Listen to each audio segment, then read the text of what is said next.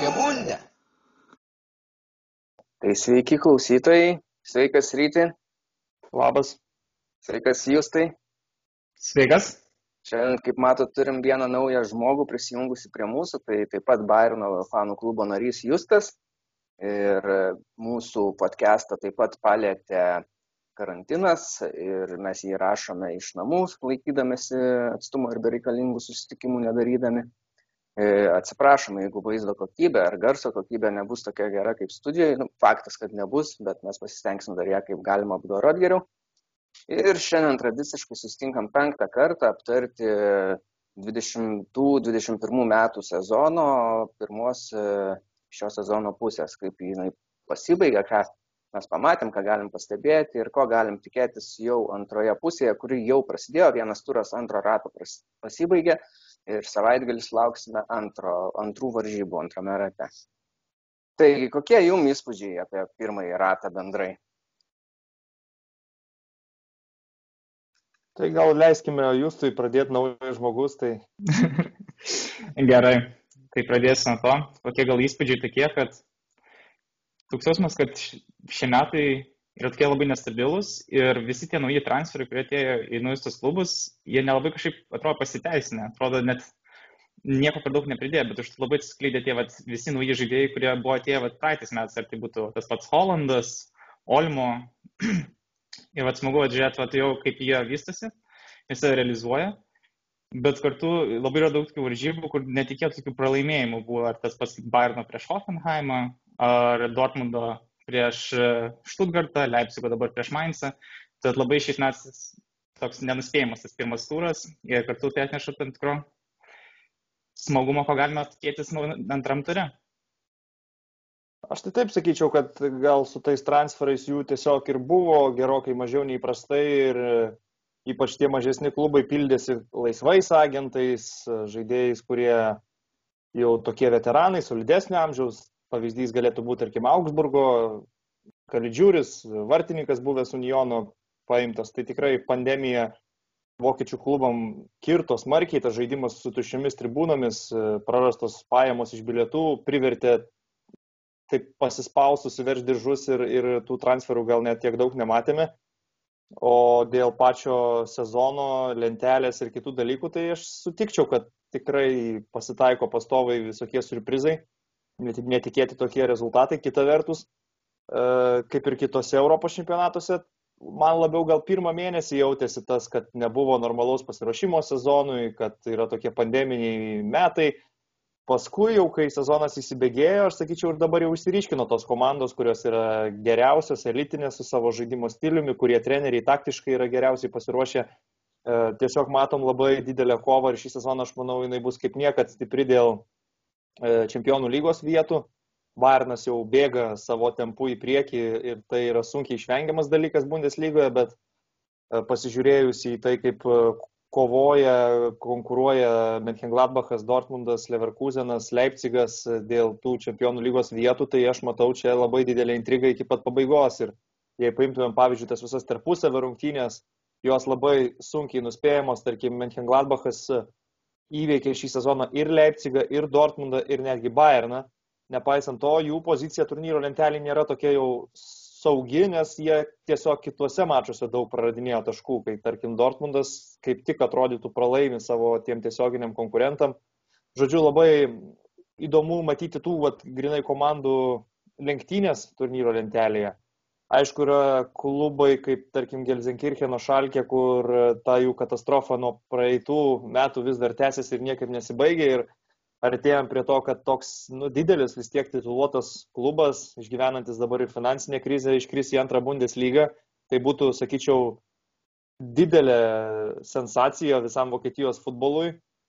O visi kiti, nu, man atrodo, laiko daug maž savo lygį. Man visą laiką Wolfsburgas yra toks stabilus vidutiniokas su ganėtinai tokiu drausmingu futbolu. Yra Eintraktas ar Herta, kurie gal kol kas šiuo metu truputėlį žemiau savo galimybių ribos, bet aš galvoju, turi potencialo pakilt. Tai tokie būtų mano pagrindiniai įspūdžiai po pirmos pusės. Gerai, tai aš manau, galime tada kiekvieną komandą, bent jau pirmaujančias septynės, aštuonias, paimti atskirai Ir tada pažiūrėsim išlikusių paskutiniosiose vietose, kas mums e, kliūna iš jų, ką galime apie jas įdomesnio pasakyti. E, kaip minėjai, yra atsiliekančios tokios komandos ne pagal savo lygį, Herta, Eintraktas. Tai Eintraktas šiuo metu visai neblogai stovi šeštoje vietoje, bet Herta tikrai visiškai ne pagal savo galimybės keturioliktoje vietoje, tai ją nepamiršime. Aš ir apie Mainzą turėsiu ką pasakyti, ir apie Šalkę daugiau.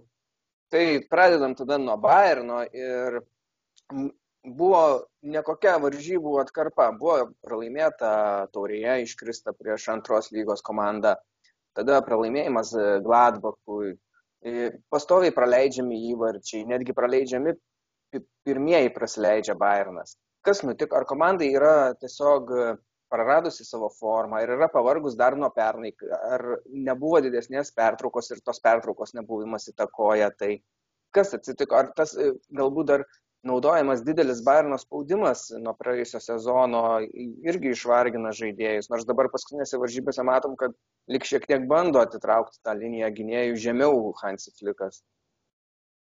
Nu, aš sakyčiau, kad tikrai nuovargis ne paskutiniai vietoj e, visoje šitoje situacijoje, nes jei žiūrėtume į tai, kiek Bayernas yra sužaidęs rungtynių, dar imant nuo vasaros, tai turbūt nei viena kita Europos komanda tiek rungtynių nežaidė ir vis tiek Flikas tengiasi žaisti su pagrindiniais žaidėjais, tose svarbiausiose visose rungtynėse ir nuovargis turi įtakos neišvengiamai. E, pridėkim, kad tikrai, tarkim, per tą atkarpą, kai pralaimėjo Barinas Hoffenheimui, reikėjo sužaisti dvi super taurės. Vieną Europoje, 120 minučių, vieną su Dortmundu, kur vis tiek principo reikalas pasimti tą trofėjų.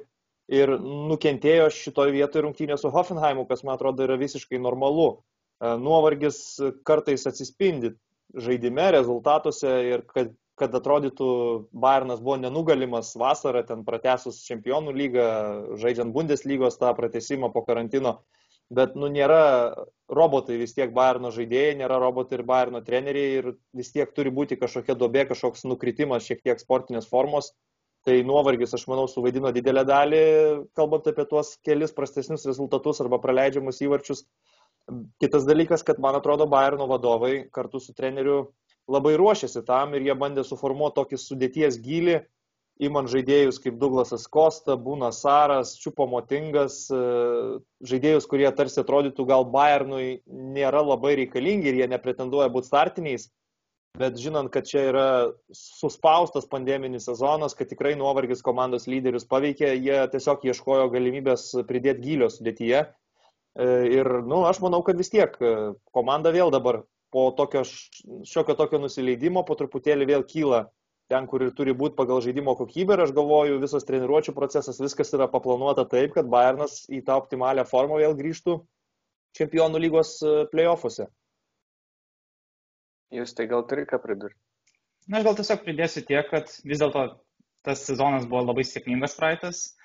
Ir gal tokios net ir gal trumpas pagiras buvo, nes vis tiek sunku išlaikyti tą tokį, nes Barno žaidėjai vis tiek yra tokie labai ilgai, alkani ir užsivedė, tas matomas ypač žaidėjai tokių kaip Kimikas, Mülleris, kurie yra labai tokie agituoti ir stumė tą komandą pastoja į priekį. Ir galis matyti, kad jiems kartais varžybos prieš kokį, nežinau, Bielefeldą, taip toliau nėra tokia pati motivacija, gal kaip prieš pasga žais.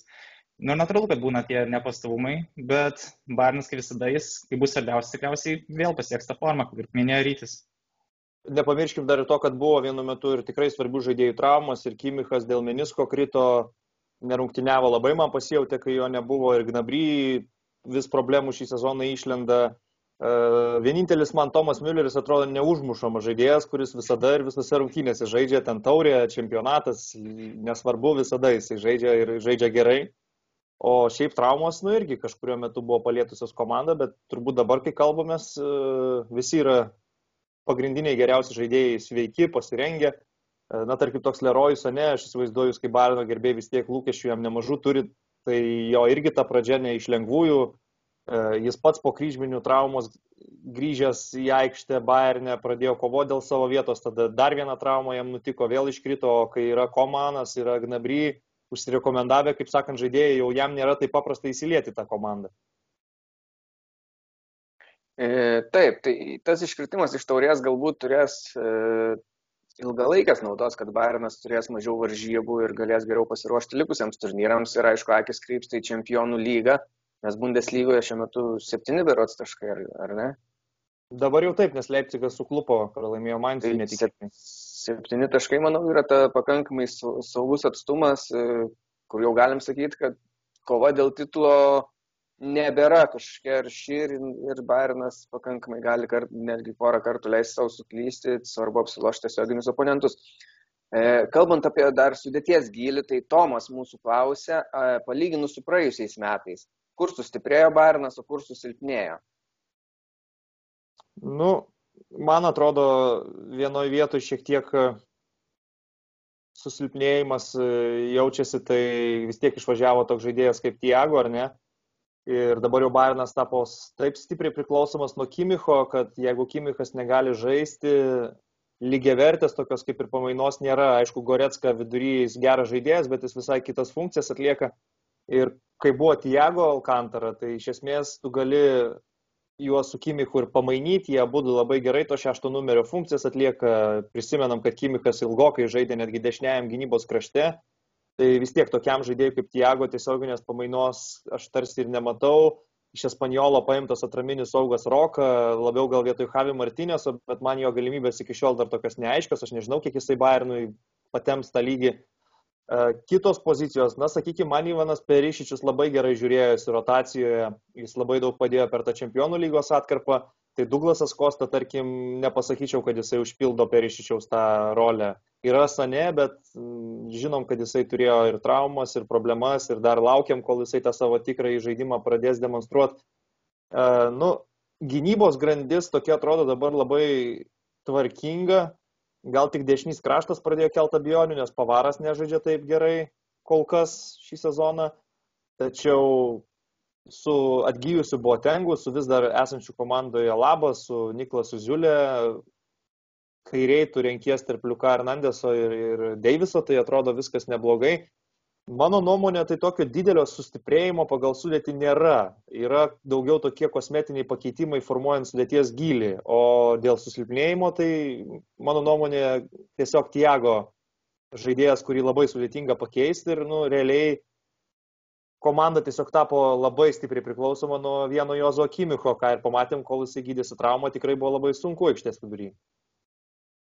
Aš galėčiau pridurti, kad Leonas Goretska galbūt nėra ryškiai silpnesnis žaidėjas už Tiago, tiesiog kai būdavo Tiago, e, tu aikštėje turi Tiago ir Kimichą ir dar turi ant suolo Goretska. O dabar tu turi Goretską ir Kimichą aikštėje ir ant suolo tu neturi nei Tiago, nei Goretskos, turi, nu, geriausiu atveju Karantino Toliso ar, ar minėtą tavo Roką, kurie, na, jau netempia minėtų trijų lygio.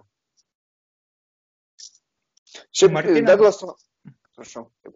E, kai kuriuose varžybose Martinezas buvo dar pasidėjęs kaip prieš Leipzigą į tą atraminę saugo poziciją, kuris natūraliai Bayern netaip ir žaisdavo dar iki Pepo laikų. Bet jam nelaimingai baigėsi, kad jis sustromavo ir turėjo anksti palikti varžybas. Tai gal kad nors dar pamatysime Martinezą toje pozicijoje, čia vis tiek tikriausiai jau tokia paskutinis sezonas. O dėl Rokas. Ja. o dėl Rokas, tai įdomu, kad visi tie transferai buvo tokie kaip ir net netisikliai kažką pasiprintis, tik pagilintis, bet jie buvo pakankamai gal ilgai net planuoti tam tikri, kad ir tas pats Rokas, kur jau jie buvo domėtis net praeitais metais ir jis buvo ten skautinamas kaip ir Rodri tada ieškojo. Bet kol kas, kaip suprantu, Flikas jo net nelabai duoda net laiko jam pasireikšti. Ir tikriausiai, kiek jis bent sakė, kad ta priežastis yra tai, kad dabar tas trumpės treniruočio laikotarpis, mažiau dar tų varžybų, kur galėtų įsižaisti didesniam komandam, pajausti vienas kito, saugas vis tiek yra ta jungianti grandis, ir turi gerai pajausti visą komandos ritmą. Tai dėl to Roka tikriausiai dar šį sezoną tiek daug ir tų progų negaus. Jo, Kosta, tai tikriausiai gal labiausiai toks nuvylęs transferas buvo, nes ne, jis net kažkaip piktybiškai kaip ir buvo išėjęs iš klubo, susipykęs su vadovybė, bet čia grįžo trumpam, liktis dėl to, kad turi gerus santykius su žaidėjais, bet jis tiek daug nieko nepasiūlo, nes tą pačias funkcijas, ką jis gali daryti, tai Komanas, Sane ar Gnabry gali padaryti tą patį geriau. O kaip ir Rytis minėjo, tokio kaip Erščius, tokio vingerio dabar Barnis nebeturi, kuris galėtų žaisti be kamulio ir antram aukšte pakovoti ir fiziškai pratempti komandą, vat, kai labiausiai reikia. Nu, aišku, tik tai reikia džiaugtis, kad komandas dabar turi tokią stabilę, galingą formą ir kad dar, dar nesitraumuoja. Ir vis tavo tikriausiai dabar maloniausia vat, jį ir matyti yra aikštėje, nes jis nebedaro tokių nereikalingų judesių, kiek anksčiau mėgdavo, jis buvo žinomas dėl tų driblingų, kur nusivaro į kraštą ir bando pakelti savo aukštą kamuolį. Dabar jis turi tą tokį end product, kaip sakant, visą patikė kažkojo rasisto ar mušą, ar bent jau pavojingas situacijas pastoviai kūrė. Tai jo, tikriausiai Barnas, sakyčiau, gal šiek tiek pasilpnėjo šiais metais, bet gal toks ir tikslas buvo vis tiek išlaikyti visą tą brandolį ir pasigilinti tiesiog tas sudėtį. Gal tas vis problemas tikriausiai bus sprendžiamas jau kitą vasarą.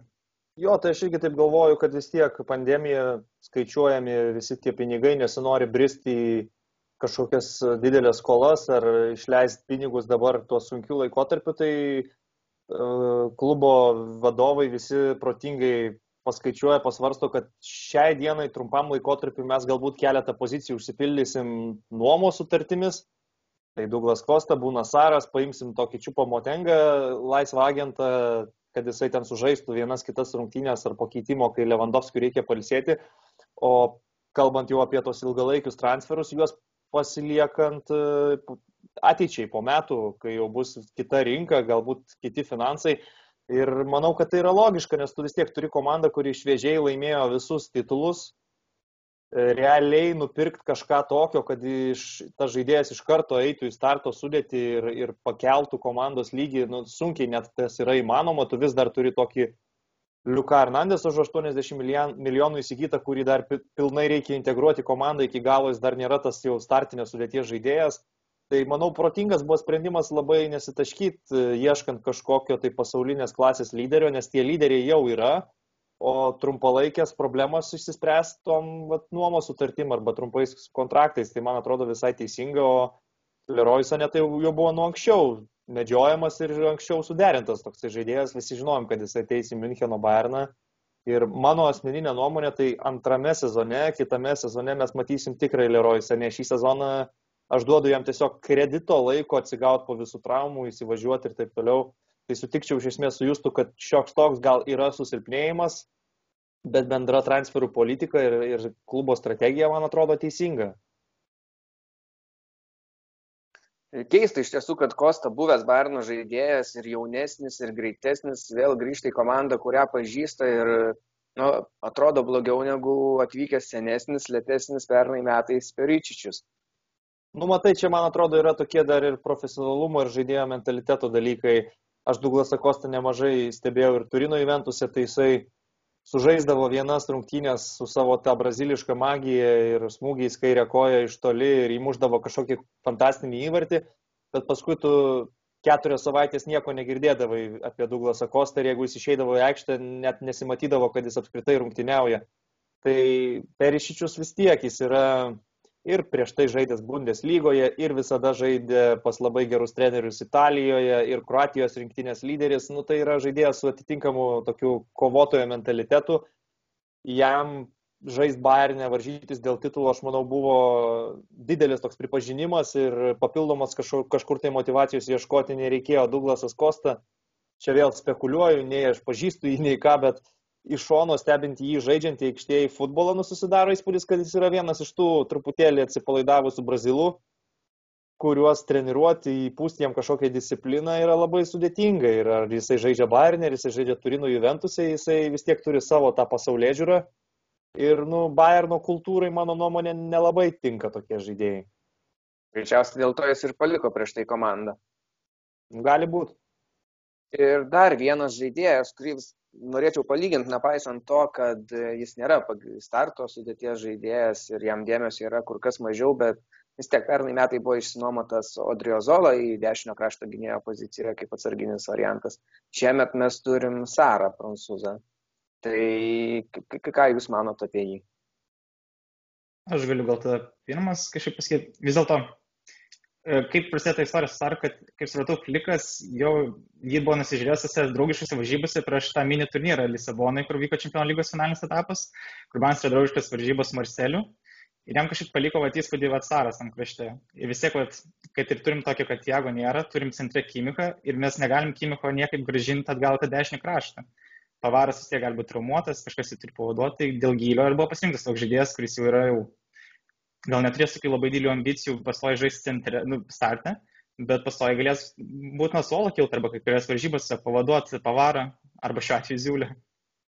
Nu, man Saras yra toks uh, vingeris įkalintas krašto gynėjo pozicijoje. Iš esmės jis yra pagal visas savo savybės uh, klasikinis dešinio krašto vingeris, greitas, kuris neblogai paduoda kamolį dešinę koją į baudos aikštelę, bet tų savybių, tarkim, gynyboje kurių reikia irgi žaidžiant krašto gynėjų, jam truputėlį trūksta, mano nuomonė. Aš jį matęs ir Marselėje, Prancūzijos čempionate, tai man jis visada atrodė toks žaidėjas, kuris labiau vis tiek yra vingeris, bet dėl trenerių sumanimų, dėl galbūt besikeičiančio futbolo tapo labiau krašto gynėjų. Tai čia tiesiog toks gal trumpalaikis eksperimentas pasitikrinti, ar šitas žaidėjas apskritai Bayernų gali būti naudingas. Nuoma tavęs kaip ir neįpareigoja susisaistyti su juo ilgam, nusipirkti jį būtinai, tu tiesiog jį turi vienam sezonui kaip atsarginį. Kol kas nepanašu, kad jis būtų Müncheno Bayerno lygio žaidėjas žvelgiant į ateitį, bet vėlgi man ta dešinio gynėjo pozicija išlieka tokia aktuali ir gal net atviras klausimas, nes Benjaminas Pavaras, kad ir kaip ten bebūtų, pasaulio čempionas, visa kita, gerai žaidė jis praeitą sezoną, bet, nu, pilnai aš nesu dar įsitikinęs, ar jis jau yra toks geras, mano, mano akimis jis turi trūkumų, trūksta jam šiek tiek ir greičio žaisti krašte, tarkim vidurio gynėjų žaisti, trūksta ūgio ir fiziškumo, nors jis yra žaidęs ir šitoj pozicijai. Tai vis tiek aš manau, kad Bayernas taip pat e, galvoja apie dešinį tą gynybos kraštą ir ateityje galimybės tikriausiai jį sustiprinti. Akivaizdu, kad klubas nebenori Kimiko siuntinėti į tą kraštą, ką jau jūs tas ir paminėjo. Tai manau, kad kitais metais vėl bus sprendžiamas tas klausimas ir galų gale Benjaminas Pavaras, manau, kad sveika, jeigu turėtų didesnę konkurenciją, nes kitoj pusėje mes matom, kad e, rimta konkurencija tarp Alfonso Deiviso ir Liuka Hernandeso, žinom, kad ir Davidas Alaba galėtų žaisti toj vietoj, tai šiek tiek net keista, nes didesnė dalis tų jau elitinių klubų kaip tik su kairiuoju gynybos kraštu turi didesnių problemų o dešinieji dažniausiai pajėgus futbolininkai ten ir Guardiolos galima komandą pasimti, ten į kairę trejus metus iš eilės nepavyksta susitvarkyti tinkamo žaidėjo susirasto pas Bayerną, kairiai viskas tvarkoja, dešinieji yra va, tokių va, klausimų. Alfonso Deivisas, tiesą sakant, man vėl kyla tokia mintis, kad Douglasas Kosta pasiskolintas, bet tikriausiai geriau būtų paprasčiausiai Deivisą dažniau statyti vingeriu, o ne mokėti atlyginimą Kostai, kuris nu, nepritampa šitoje komandoje. Ir Pavaras e, nelabai keletą varžybų tenkino ir trenerio panašu, nes buvo vis tiek pastatytas vienose varžybose ir Kimichas, e, iš bėdos buvo pastatytas netgi Zulė, kas atrodė truputį keistoka. Tai Benjamino Pavaro forma nėra pati geriausia šį sezoną. E, kalbant apie centro gynėjus, tai Luka Hernandesas panašu jau yra arti to, kad užimtų startinio žaidėjo poziciją, ypač jeigu Alabo išvyks, aš manau, kad tai turbūt tikrai įvyks ir Deivisas bus tada kairiai užtikrintai, o Hernandesas centre. Galbūt ir taip, nors šį sezoną vis dar matom, kad Hernandesas labiau flikui tinka į kraštą ir, ir jis daugiau mainosi su Alfonso Deivisu, ypač kai žaidžia porą rungtynių per savaitę, tai vienose matom Hernandesą, tada kitose Deivisas, kartais net po keitimo išeina vienas arba kitas, tai bent jau kol kas matom, kad prancūzas eina į kraštą. Vidurio gynėjų žaisti jisai gali, kai Bayernas jį pirko, gal net labiau ir planavo tą poziciją, bet aišku, tai buvo pirkinys atliktas dar prie Niko Kovašo. Um, dėl Alabos užpildymo yra tikriausiai toksai variantas, bet aš manau, kad vis tiek Bayernui neišvengiamai reikės įsigyti kokybišką gerą vidurio gynėją, nes buvo tengas sensta Tai bet kokiu atveju šitoje vietoje dar reikės pasipildymo. Aš, aš manau, kad tai yra neišvengiama. Tai gerai, turim Žilvino klausimą, kaip manot, kuo gali keistis Bairnos gynybos centrai išvykus Alabai, nes ten lieka gan lėtas Zulė, senstantis Botengas ir Hernandesas, kuris gali žaisti ir kairėje. Tai dar vieno centro gynėjo tikrai reikia, tai kaip manot, kuom? Nu, dar tas problema, kad buvo tengo paskutiniai, man atrodo, kontrakto metai, tai dar irgi neaišku, ar jis prasitęs. O, nu ką, visi gandai juda link to, link upamekano tikriausiai, jeigu niekas nepasikeis, nes ir ta išpirkos suma tokia yra solidi, bet ne per daug baisi. Ir jau kaip nusisiniai skautinamas žaidėjas. Bet dar kartu reikia užmiršti, kad Barnas turi dar tokį žaidėją, kuris pastovi buvo traumuotas, tai Tangvi Nienzukuosi pasimta iš PSG kuris jau buvo ten ir startą prasižaidęs ir turėjo varžybų ir Tuchelis ten matė net ir daugiau norėjo, kad jis pasiliktų. Bet dar neaišku, dar jo tiek daug nematėm, Bayern ar iš čia tiks, ar pritaps. Galbūt antroji dabar pusė bus varžybų, įtemptų atkarpų, kur gal jį pamatysim ir gal jis kažkiek ir išspręs šitą problemą. Jo, dėl Upamekano tai čia toks labai akivaizdus turbūt variantas ir žiniasklaida jau peršai su Bayernu, ieškant kažkiek giliau, na bent jau kol netėjo Tuchelis į Chelsea, tai e, Lampardui treniruojant visiškai praradęs buvo vietą toje komandoje Antonijo Rudigeris, vis tiek tai yra vokietis, Vokietijos rinktinės žaidėjas ir jeigu jisai būtų nebereikalingas visiškai Chelsea, aš manau, jį būtų galima įsigyti ir ne, ne per nelik brangiai. O vis tiek futbolininkas mano akimis pakankamai gero lygio, kad žaistų Bayernė su patirtim Štutgarte, Romoje, Vokietijos rinktinėje, tai būčiau galvojęs apie jį kaip apie variantą, bet dabar net mešiu, kad Tomas Tuchelis jį labiau pradės išnaudoti Chelsea komandoje ir galbūt jisai pasiliks tiesiog Londone. Daugiau, nu, galima būtų žiūrėti kitas, tarkim, Bundeslygos komandos, kas ten šį sezoną iš vidurio gynėjų gerai žaidžia, tai man visada pas Mönchengladbacho Borusija yra gerų futbolininkų, nežinau, ar Bayernų jie pakankamai geri, bet tarkim ten Elvedė arba Ginteris, tu juos žiūri ir tu matai, kad vis tiek yra solidų žaidėjai, kurie gerai atrodo savo komandoje ir bent jau kaip rotacijos žaidėjai, nebūtinai ten tie pagrindiniai. E, vienas iš jų, aš manau, visai galėtų tikti Müncheno Bayernui. Toliau po Bundesliga ieškant, tai galima rasti tų vidurio gynėjų tokių įdomesnių bet faktas, kad norint pakeisti labą ir pasenstant ir galbūt jau nueinant į Boatengą, bent jau vienas vidurio gynėjas turi ateiti toks jau su statusu nekeliančių jokių abejonių. Tai jau po Mekano atrodytų turbūt ryškiausia asmenybė, nes tai yra nu, geidžiama prekė, kaip bebūtų. Ir ne tik Bayernas jo parašo nori, aš manau, kad ir tie patys Anglijos klubai apie jį svarsto ir, ir galbūt kai kurie kiti.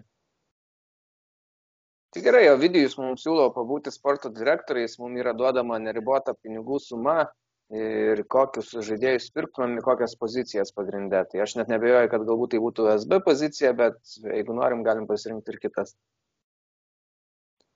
Nu, tai mano prioritetas būtų vidurio gynėjas ir dešinio krašto gynėjas. E, dešinio krašto toks, kad jisai būtų pajėgus galbūt ir nukonkuruoti Benjaminą Pavarą ir žaisti e, startinėje sudėtyje. Tai nėra paprasta, bet man visą laiką įspūdingai atrodė Dortmunde žaisdamas Ašrafas Hakimi. Aš labai stipriai domėčiausi galimybę jį iškrapštyti iš, iš Italijos.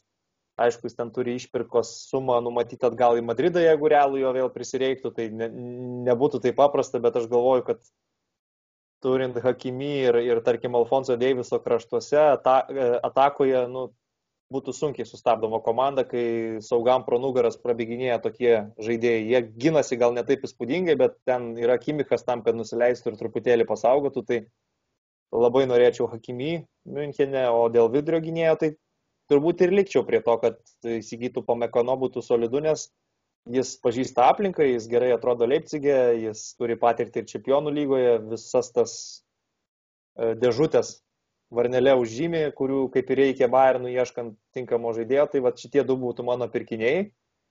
Su likusiais kažkokiais ten pinigais e, pasvarstyčiau galbūt apie tiesiog galimybę daugiau pridėti kokybę sudėties gilyje. Tai yra vietoj Douglaso Kostos, Čiupamoteno, e, gal net vietoj to paties Rokos geriau investuoti į vieną arba du tikrai gerus tokius kokybiškus žaidėjus. Jūs tai? Na gerai, man teks tą truputį kitokį variantą pamastyti, bet tarkim, jeigu tarkim įsivaizduot, kad galime bet kokias algas tikriausiai siūlyti ir turime tokių žaidėjų, kurie vis tiek jau eina link, yra didžiausias Barnas žvaigždės, bet jų karjera jau juda link pabaigos, nu, prasme, dar gal turi kokius penkis sezonus, nežinau. Ir tais Noiris, Mülleris ir Leva, tai reikėtų, kaip minėjau, užbaigsiu dar daugiau titulų. Tai iš šito kompaniją, manau, visą galima būtų įpašyti Sergio Ramosą, kuris dar neaišku, kaip jo kontraktas baiginėjasi realią ir kaip tai galėtų būti pamaina labai išeinanti, tai tas vos ne kaip straight swapas. Ir kartu, kadangi nėra Tiago, reikėtų gal kokias sugalvoti kokio saugo, kuris gali presingo akivaizdoj išlaikyti tą kamolį ir tą kamolį vis perduoti į tas pavojingas zonas. Tai ar tai galėtų būti Florinas Neuhausas iš Gladbacho, arba gal, jeigu galima bet kokius pinigus taškyti, tai galima tą patį Marko Veratį iš PSG pasimti. Marko Verati toks labai stiklinis žaidėjas, aš žinok, sugalvojau, kol tu kalbėjai geresnį, kuris labiau tiktų ir dabar su dar šviežiais įspūdžiais iš pavakar ir dar kelių sužaistų rungtynių, tai sunku būtų turbūt nusipirkti ir susitart, bet Ilkajus Gundoganas, kaip jis atrodo dabar ir kokia yra jo sportinė forma, tai jisai, nu, įspūdingai įsipaišytų į tą vidurį Bayerno komandai. Aišku, sakau, ten iš Manchester City išpirkti žaidėją, kuris turi ilgalaikę sutartį, tai jau reikėtų ten pajungti milžiniškus finansinius aparatus, bet tikrai jisai būtų kažkas tai tokio galingo. O dėl tai... Neuhauso tai labai gerai paminėjai, tikrai fantastiškai šį sezoną Gladbachė jisai rungtyniauja ir ypač tose didžiosiose rungtynėse, vad kai jie nugalėjo Bayerną ir nugalėjo Dortmundą, sakyčiau, jis buvo tokia kertinė figūra aikštėje, tai labai stipriai pasikėlęs yra savo vertę. Aš sėdėjau pirštus sukryžiavęs, kad nepasakytumėt mano variantą. Tai aš irgi rinkčiausi iš tokių žaidėjų, kurie jau galbūt yra turėję netgi bundės patirties kaip Hakimi. Tai vietoj Tiago į centrą aš labai norėčiau, kad grįžtų į Bundeslygą Kevinas De Bruyne. Čia jau būtų net ne vietoj Tiago, sakyčiau, kiek Tiago yra iš gilumos toks šeštas numeris, o Debriunė tai jau yra žaidėjas aplink kurį nu, tu realiai pastatai visą savo komandą, visą savo polimą. Ir realiai, jeigu Debriunė ateitų į tokią komandą kaip Bayernas, aš manau, kad būtų sudėtinga tada Mülleriui žaisti to dešimtų numerį už polėje nugaros, nes tau reikia Debriunės tame kanale tarp paržovų linijų, nes nu, jis yra tranzicijoje nerealus, su kamoliu jo tie prasibėgimai yra kažkas tai tokio, o Debriunė statant žemai į Tiago poziciją, tai mano nuomonė būtų tiesiog talento švaistimas. Tai, nu, čia mano subjektyvė nuomonė, Debriunė tiesiog tada reikalautų didesnių pokyčių apskritai komandoje, kad tu jį integruotum, nes tokio žaidėjo tu tiesiog kaip rotacijai pasim negali, jisai turi žaisti visada ir visose rungtynėse. Tai. Bet faktas, kad nu, čia jau visiškas elitas. Gerai, tai tada E, Lewandowskio rekordas. Kaip manot, e, bus pasieks Lewandowskis rekordą Gerdo Müllerio ar ne? Kiek trūksta tiksliai, gali priminti? Tuoj pažiūrėsim, kiek. Jam reikia, jis dabar mušęs 23 įvarčius, jam dabar reikia mušti dar 17 per 16 varžybų. Nu, tai netrodo labai neįmanoma pagal tokį tempą, koks demonstruojama šį sezoną mes matom pastaruoju metu, kad Flikas pradėjo rungtynėse pakeisti Levą kartais ten 65 minutę, 70 minutę, taip jau taupydamas e, savo polimo lyderį ir manau tai yra teisinga. E, tai gal pas, paskutiniu metu mažiau tokių rungtynių, kuris muštų dublį ar hetriką, bet po vieną taip gan stabiliai pridedant tai, kad jisai muša ir baudinį šitoje komandoje, tai atrodo įgyvendinama, bet aš manau, kad jeigu Bayernas tikrai pabėga stipriai nuo savo persekiotojų Bundeslygoje ir visas dėmesys eina į čempionų lygą, gali pasitaikyti jau ir tokių rungtynių, kur netgi Lewandowski taupytų ir paliktų net ant suolo e, dėl čempionų lygos. Tai jei reikėtų spėti, aš spėčiau, kad 40 įvarčių nebus pasiekta šį sezoną. Mano manimų kuklesnė tokia prognozija būtų gal kokie 35. Aš irgi nemanau, kad bus pagerintas rekordas ir, ir kadangi Lewandowskiui nepavyks šiemet, e, manau, pagerinti, tai turbūt tas rekordas dar nebus ir dar per kokius penkis metus pagerintas, jeigu neatsiras Bayernė koks top, top klasės žaidėjas, polėjas po Lewandowskio. Nes Erlingas Haalandas tai turbūt vis tiek artimiausių metų jisai metai gal dar ir išvyks iš Bundeslygos. Apskritai dar bus toks sudėtingas laikotarpis, kadangi dabar atskėltas pasaulio klubo pasaulio čempionatas, tai dar bus dvi varžybos, arba vienas bent jau Katare. Tikriausiai irgi ten kažkur nučiuoš bent vienas dvi varžybos Bundeslygui.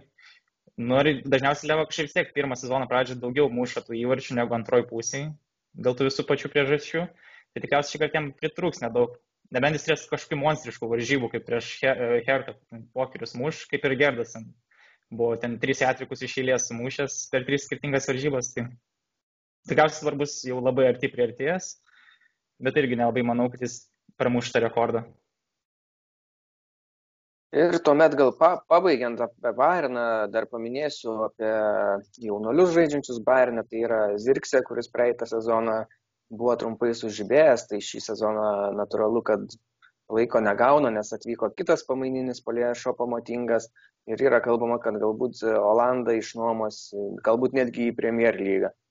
O kitas jaunas žaidėjas iš akademijos, tai Dadžakų yra išnuomajamas jau e, nuo kito berot sezono, ar nuo šio dabar bijau sumeluoti, bet į Unioną išvyksta.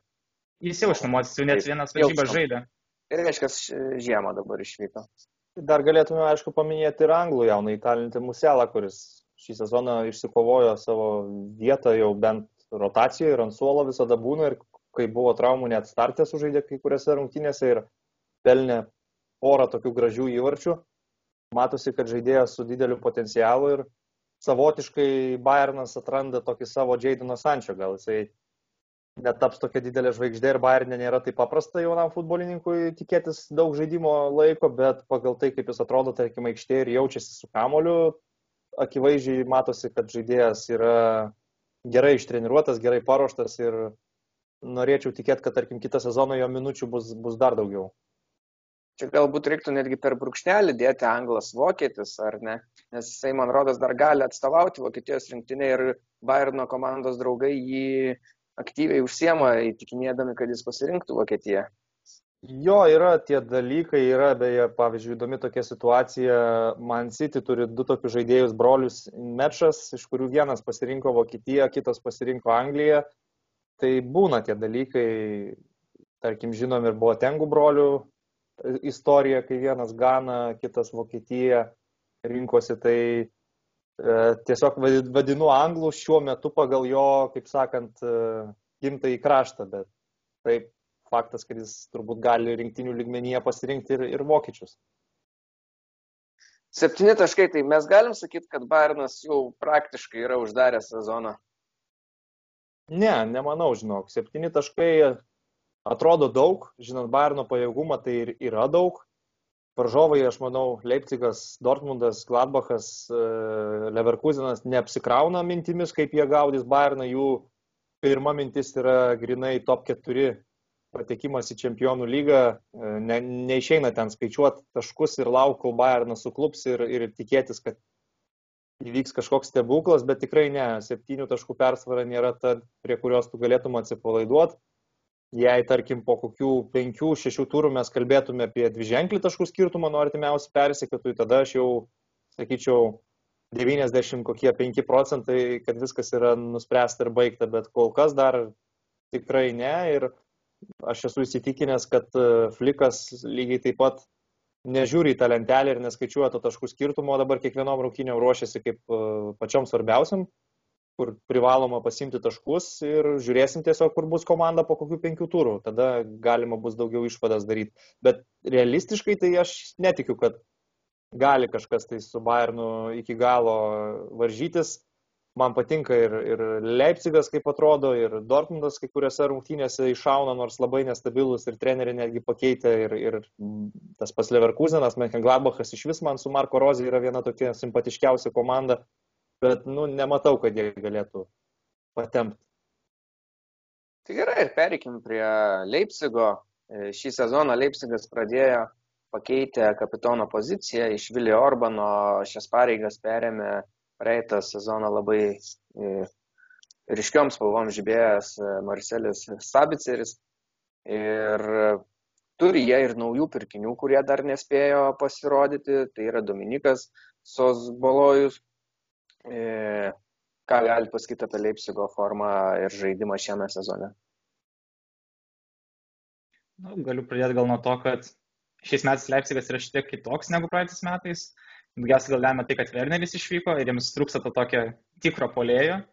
Ir jie išmės kiekvienas varžybas žaidžia bent jau su kokiais trys kūrybingais zakončiais saugais, nes jie turi didelį jų pasirinkimą, ten Kunku, Olmo, Zabiceris, Forsbergas. Ir bent vienas iš jų visada užima kažkokią tą viršinę poziciją, tai dažniausiai, aišku, Forsbergas būna.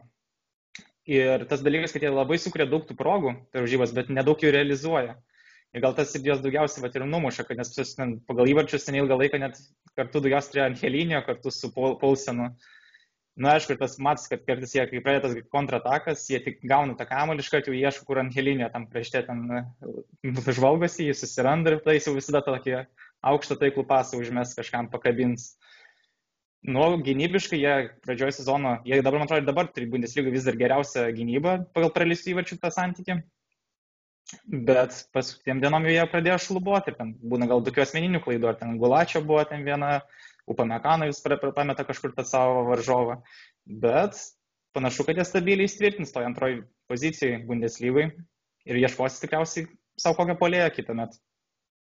Jau kalbant apie rungtynę su Mainzu, tai tik tiesiog nu, du kampinius praleido labai apmaudžiai ir paskui dar ta vartininko klaida. Tai tikrai rungtynės, kurių jie neturėjo iš esmės pralaimėti pagal viską, bet labai brangiai kainavo individualios klaidos.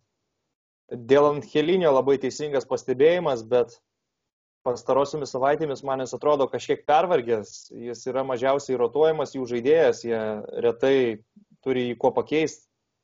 Ir keletą rungtynių dabar man jis atrodė truputėlį toks išsisėmęs, gal net jam reikėtų ir polisio atsikvėpti bent jau kokią savaitę. Šiaip e, įdomi man ta komanda, įdomiai labai sukomplektuota, nes jie, kaip tu sakai, tos kūrybingus žaidėjus, jie realiai prikaupė saugų tiek, kad kiekvieną kartą galima turbūt tris nu, skirtingus išrikiuoti ir dar į visą tą kolektyvą įsilieja Soboslajus, kuris Zalzburgė žaidė įspūdingai ir buvo tokia turbūt viena karščiausių jaunų žvaigždžių. Tai čia Leipzigo didelis laimėjimas, kad jie du tokius medžiojamus jaunus talentus, Danio Olmo ir, ir Soboslajų, sugebėjo pasimti faktas, kad turbūt ateityje jie kažkada bus parduodami už dar didesnius pinigus, bet kol kas jie yra kartu vienoje komandoje, tai atrodo ganėtinai stipriai. Plus ten įpaaišyti tokie žaidėjai kaip Justinas Klaivertas, e, jie paėmė Sorlotą, iš kurio galbūt laukia daugiau, kad jis tuo pagrindiniu tokiu devintų numeriu galėtų būti, bet kol kas Norvegas nepanašu, kad įsipaišo taip jau gerai tą polimą, jis beros Bundeslygoje tik vieną įvartį yra įmušęs ir čempionų lygoje dar pasižymėjo vieną kartą. E, tai jaučiasi tikrai trūkumas to stabilaus polėjo, kuris muštų daug įvarčių. Timo Werneris buvo ne vienerius metus ta figūra, nors irgi jis man toli gražu nėra tobulas polėjas, bet šį sezoną Nagelsmanas labai daug eksperimentuoja ir pats gal blaškosi, kada jam geriau žaisti be tikro devinto numerio su Forsbergu kaip tokiu false nine, kada ten reikia Polseno darbštaus to kovingo polėjo, kuris nugarai vartus gerai žaidžia, kada Sorlautas gali pabandyti jų sudėtis tokia dažnai keičiasi, sunkiai nuspėjama, kalbant apie priekinę liniją, jo kraštas su Angelinijo ten viskas yra aišku, bet kaip visada, šitoje komandoje daug medžiagos, daug jaunimo. Man Tyleris Adamsas, pavyzdžiui, toks atrodo įdomus žaidėjas, kuris ir dešiniam krašte pažaidžia ir viduryje amerikietis jaunas, tų dabar amerikiečių Bundeslygoje yra, nu, ten visą JAF rinktinę turbūt galima iš jų suformuoti. Tai tokie pastebėjimai, nu tikrai įdomi komanda, kur visas jos įdomumas prasideda tiesiog nuo trenerio, nes nu, Nagelsmanas, aš galvoju, išlieka šiai dienai gėdžiamiausias treneris Europoje. Ir kai jisai, pavyzdžiui, nuspręstų baigti savo Leipzigo projektą, jo agentui skambintų turbūt kokie aštuoni klubai. Tai tokie mano pastebėjimai, aš sutiksiu su Justu, kad Leipzigas, man atrodo, šiek tiek geresni už Dortmundą ir Gladbachą ir tokie atrodytų antra komanda šiai dienai. Ir Angelinio fantastiškas, turbūt netgi galim sakyti, kad geriausias, ryškiausias kairio krašto gynėjas, toks, nors ir labiau pakilęs negu įprastas gynėjas, bet Bundeslygoje šį sezoną. Tai man, man atrodo, Nagelsmanas iš esmės dėl Angelinio ir pradėjo dažniau žaisti su trimis vidurio gynėjais. Jeigu mes prisimintume, kaip atrodė, tarkim, Leipzigas prieš ateinant Nagelsmanui, prieš apskritai ateinant ant Helinijo, žaisdavo kairiam gynybos krašte Halstenbergas, dešiniai Klostermanas ir buvo keturių žaidėjų linija. Dabar Klostermanas ir Halstenbergas žaidžia trijų vidurio gynėjų linijoje. Halstenbergas, aišku, yra tas jau prie lyderių komandos, žaisdamas šiek tiek taip kairiau, bet e, žaidžiama trimis gynėjais vien dėl to, kad Angelinijo pats gintis nelabai mėgsta ir nelabai gali netgi, nes jam trūksta ir ūgio, ir fiziškumo o atakuojant jis yra puikus su savo perdavimais, su savo prabėgimais palei šonę linijas, kažkiek primena Žordį Alba žaidimo stiliumi, bet tarkim Guardiolai į Manchester City jis visiškai netinkamas buvo žaidėjas, nes Guardiolas žaidžia keturiais gynėjais ir kraštai turi slinktis į vidurį, turi gerai atlikti gynybinės funkcijas, kartais sužais netgi kaip atraminis saugas, o Angelinio nelabai tinka tą daryti. Jis yra toks grinai attacking fullbackas vadinamas. Tai Nagelsmanas prie jo pritaikė visą savo sistemą su trimis vidurio gynėjais, su stipriu aikštės viduriu, kur Zabiceris viskam diriguoja ir Angelinijo išlaisvintas, kaip sakant, tiesiog siautės. Ir čempionų lygos grupė etapą sužaidė tiesiog įspūdingai ir vertinant Leipzigą, aš net sakyčiau ne tiek apie Bundeslygą, kad jie ten antri ar treti, o reikia įvertinti tai, kad jie išėjo iš grupės su Paris Saint Germain ir Man United į kitą etapą, kas yra ganėtinai didelis pasiekimas. O kokia yra situacija su jo kontraktu? Jisai dar gali grįžti į City ar, ar turi jau pastovų kontraktą Leipzigė? Ne, jisai vis dar turi nuomą, bet kiek aš pamenu, yra numatyta 32 milijonų eurų išpirka už kurią, kurią Leipzigas gali aktyvuoti ir jį įsigyti.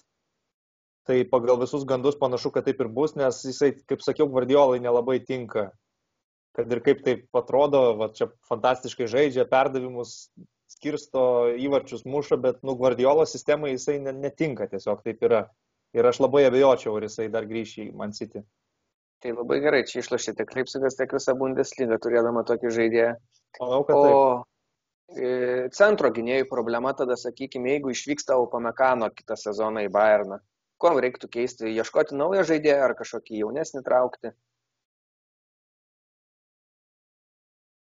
Nu, mes žinom Leipzigo politiką, tai nėra klubas, kuris pirks 29 metų kažkokį tai subrendusi lyderį, jie vienus parduoda, naujus paima ir užaugina, nu tas konvejeris, jisai sukasi, sukasi ir nesustoja. Tai tas procesas, manau, tęsis ir toliau. Jeigu išeina vienas, ieškoma yra kito, jų skautingas yra labai stiprus.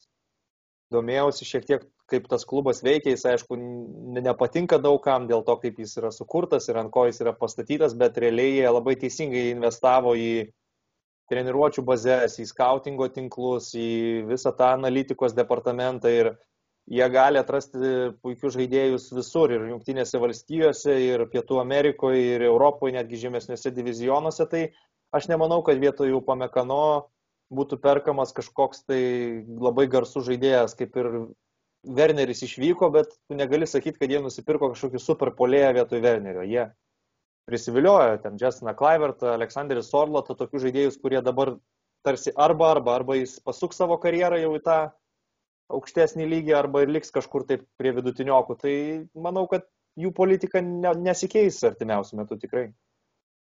Palaus, galbūt Salzburgas jiems išaugins, ką nors dar per pusmetį. Nu, yra Salzburgė, tiesą sakant, ten tokių visai pajėgių žaidėjų, kalbant apie gynėjus irgi, kiek mačiau juos su Bayernu kaip tik ir žaidė čempionų lygoje, tai net meščiau ir tokio varianto. Gerai, ar norim, kad nors dar pakalbėti apie Leipzigą, ar važiuojam toliau? Gal galima tik paminėti, kad dar pas juos atėjo šį sezoną toks Huang Hee Čianas tiesiai iš Zalburgo, kuris irgi toks galėtų kaip ir vingerių pažaisti ir to antrų polėjų, bet aš jis iš vis kažkaip nepritampa Nagelsmano sistemai, jis retai pasirodo, labai vėlai paleidžia minučių ir nelabai ką ir nuveikia. Tai kažkaip Zorlotas, jeigu dar kažkaip turi šansų ir atrodo, kad jau vis daugiau biškai gauna kažkiek pažaist, tai ta žaidėjas tai iš viso atrodo kažkoks paskendęs ir neaišku, kas ten su juo bus. Tiesa, aš dar turiu vieną klausimą, pamiršau paminėti ant kunkų. Kaip jums atrodo, ar šį sezoną nėra jisai mažiau svarbus žaidėjas Leipzigui? Kažkuria prasme yra, bet tam turėjo įtakos ir jo traumos. O šiaip nu, šį sezoną jau pradžioje podcast'o sakė Justas, kad labiau atsiskleis pradėjo tiesiog Danio Olmo, kuris atrodo jau kaip toks tikras komandos lyderis. Ir jeigu, tarkim, žaidi Bundeslygos fantasy atsidarai Leipzigo saugus, tai akis krypsta visų pirma turbūt į Olmo, nes su Kunku tu net nežinai, ar jis visada bus startinėje sudėtyje ir kai jau pasijungs atsigavęs Oboslajus, aš galvoju, jam yra planuojama labai svarbi vieta šitoje komandoje. Tai Kunku, jis talentingas, geras žaidėjas. Jie jį pasėmė iš Paris Saint Germaino, kai jisai Paryžiui nebuvo labai reikalingas, e, bet jau pernai lindo ten visokių istorijų, kad ir to, tokį charakterį turi Kunku, ten buvo kažkoks skandalėlis su jo kokiam ten kirpyklom e, vidury čempionų lygos ar kažkas tai tokio, e, buvo ten disciplinos priemonių pritaikyta. Tai, nu, aišku, jaunam futbolininkui susidūrus su padidėjusią konkurenciją nėra viskas taip paprasta, bet kad jisai labai talentingas, tai tikrai. Tiesiog labai objektyviai daug tokių susidadėjo dalykų į vieną vietą, kad jiems šį sezoną yra sunkiau, nes ir Dani Olmo labai gerai žaidžia, plus pats turėjo traumų ir, ir taip toliau. Gerai, minėjom išvykusi Wernerį, tai dar galim nepamiršti, kad išvyko e, taip pat polėjas Patrikas Šikas. Dabar perinam Leverkuseno Bayerio ir aš turiu galbūt labiau ryčiui klausimą, nes jisai daugiau stebi Premier lygą. Tai internete, aš pats tiek daug nestebiu Premier lygos, tai nelabai galiu ką pasakyti, bet matau internete daug mėmų, daug pajokavimų, daug heito apie Wernerį ir apie Havertzą išvykusius į Chelsea. Tai šie du žaidėjai buvo Bundeslygoje žvaigždės, sakykime, jaunos žvaigždės ir jiems neįtin gerai klostosi Anglijoje. Tai kas nutiko su tai žaidėjais? Nu, Timo Werneris, tai aš visada sakiau, kad tai yra polėjas, kuris iš penkių progų muša vieną įvartį ir jam buvo gerai žaidžiant komandai, kuris susikurdavo po dešimt progų per rungtynės ir jisai muždamas po vieną iš penkių progų vis tiek turėjo gerą statistiką. Jis yra labai greitas, bet dažnai dar tos jo kojos atrodo greitesnės už jo galvą ir sprendimų prieimimas prieš vartus jau paskutinėje atakos fazėje pas jį dažnai atrodo prastas. Man Werneris jau kurį laiką atrodo labiau netgi kaip krašto polėjas nei tas devintas numeris ir Nagelsmanas jį taip pat nemažai jau stumdydavo tai į kairę, tai į dešinę. Um, yra ir psichologiniai turbūt dalykai, kad uh, ateini į Čelsi su tam tikra kaina, uh, iš karto spaudimas, iš karto nuo pirmų rungtynių turi rodyti rezultatus, uh, išgyveni kažkokią blogesnę atkarpą, polėjai psichologiškai visą laiką sunku, kai jisai nepelno įvarčių, uh, kažkiek susviruoja tas pasitikėjimas savimi, tu nebesi namie Vokietijoje, tu esi Anglijoje, kur, e, kaip sakant, ir žiniasklaida tau dar labiau negailestinga, nes tu esi brangus legionierius ir kažkiek tas jį paveikia. E, bet aš manau, kad ir, ir Chelsea fanai, ar kiti žmonės, kurie galvojo, kad čia ateina žaidėjas, kuris muš po 20 plus įvarčių Premier lygoje, patys neteisingai vertino Timo Wernerį. Man visą laiką atrodė, kad jam reikės laiko, jis dar turi daug ko mokytis Galima pasižiūrėti, kaip jam, pavyzdžiui, sunku būna Vokietijos rinktinėje, e, kur irgi pasaulio čempionatas dideli lūkesčiai ir jis realiai sudegė tada 2018 metais. Tai apie Timo Wernerį tokias būtų mintis, o dėl Kajaus Haverso, tai, nu, man yra žaidėjas, kurio, tarkim, pozicija iki šiol nėra iki galo aiški, kuris jisai tiksliai geriausiai tinka žaisti. Leverkusenė, tai vis tiek yra klubas, kuris pasitikė jaunimu ir kuris uždirba iš, iš tų jaunų žaidėjų pardavimo. Tai daugiau buvo komanda pritaikoma prie Kajaus Havertzo, o Chelsea tai Kajus Havertzas turi taikytis prie komandos. Ir tas jam nelabai pavyksta, nes jisai nėra kažkoks išskirtinai greitas, jisai nelabai mėgsta dirbti be kamulio, ten presingė dalyvauti, atiminėt kamulį. Jis atrodo toks prabango žaidėjas, kurį tu laikai aikštėje vien tam, kad jisai su kamuoliu padarytų kažkokių gerų dalykų. Ir jį Frankas Lampardas bandė tiek kaip krašto saugą, tiek ir kaip tokį aštuntą numerį, paslėpta devintą, dešimtą, nei vienoje pozicijoje jis netrodė labai gerai. Dar ankstinės jis labai jaunas, bet pagal tai, ką matau kol kas, jam gali būti tiesiog Premier lyga nelabai tinkama aplinka, bet kažkiek reikia duoti laiko. Sumokėjo didelius pinigus, tai aš manau ir Čelsi kažkiek kantrybės parodys, bet nu, ne tas klubas, kuris labai ilgai temptų su žaidėjais ir treneriais, kurie jiems netinka, tai galiu tiesiog palinkėti stiprybės abiems šitiem vokiečiam, tvarkantis su psichologija ir galbūt atėjęs treneris vokietis Tomas Tuchelis kažkiek jiem padės e, geriau atsiskleisti. Yra ir tada taip, taip gražiai nuo Haverso perinam į Bayerį, tai jie prarado savo žvaigždę ir vieną pagrindinių žaidėjų, bet to praradimo praktiškai visiškai nesijaučia ir netgi Bayeris nieko nelaukęs pateikė tokią, kaip sakykime, pakaitalą, ne, netiesiogiai į poziciją, bet į klubo žmogaus, jauno Wunderkindo naujo pakaitą, tai Vircas, jaunasis žaidėjas, Bayerį visai neblogai atrodo ir išvyko ne tik Havertzas, išvyko iš Bayerio ir Kevinas Volandas, tai, bet buvo įsigytas Patrikas Šikas. Kaip jums atrodo, Patrikas Šikas labiau jums patinka Leipzigė, kaip buvo pernai, ar šiemet e, Bayerį? Na, gal tiesiog, kad Leipzigė buvo rezultatyvesnis, o šiaip tiek jis Leverkusenė didelę dalį dar praleido dėl traumos ir tuo metu labai suspindėjo Alerijo. Ir kol kas šikas tokių monstriškų varžybų kažkaip nedemonstravo, bet sugeba įmušti ant tos įvarčius po vieną, po kitą, ten iš standartinių situacijų vis tiek jis yra labai pavojingas antram aukšte. Ir Leverkusino, kai turi tokius aukštus vingerius, tai jis tikriausiai ateityje galima tikėtis, kad tikrai daugiau muštų įvarčių ir bus daugiau jam tiekiama. Folandas. Yra gerai atrodė Leverkusenė, toks ir kapitonas komandos, ir lyderis buvo.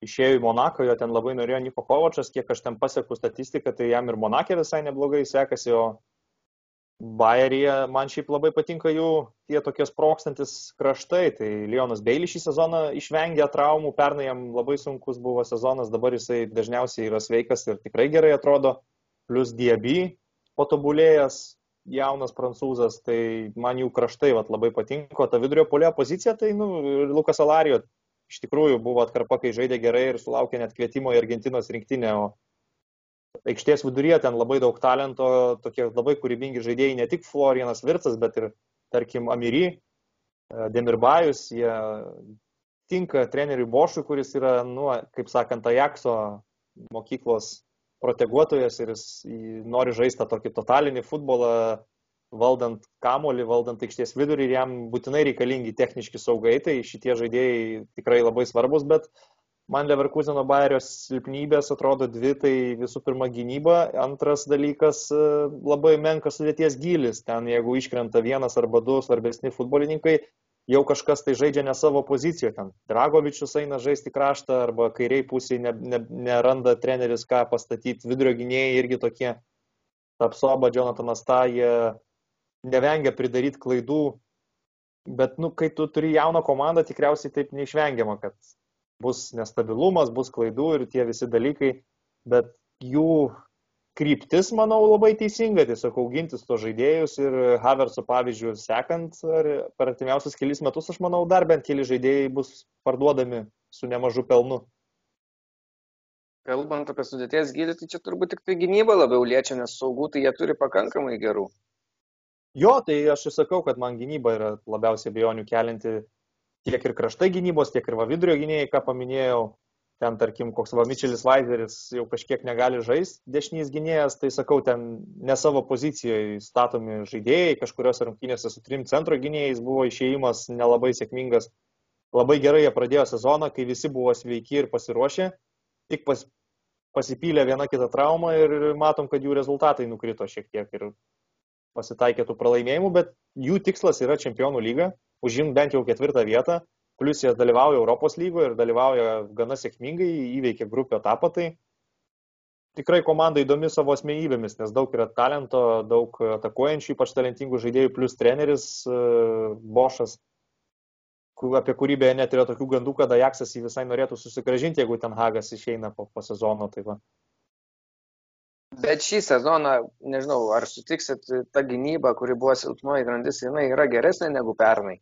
Ir dar netgi ir dabar žiemos metu yra, aišku, negalim garantuoti, kiek tai padės, bet buvo bandyta vėl susistiprinti iš Man United, paimtas jaunas gynėjas Fosu Mensa.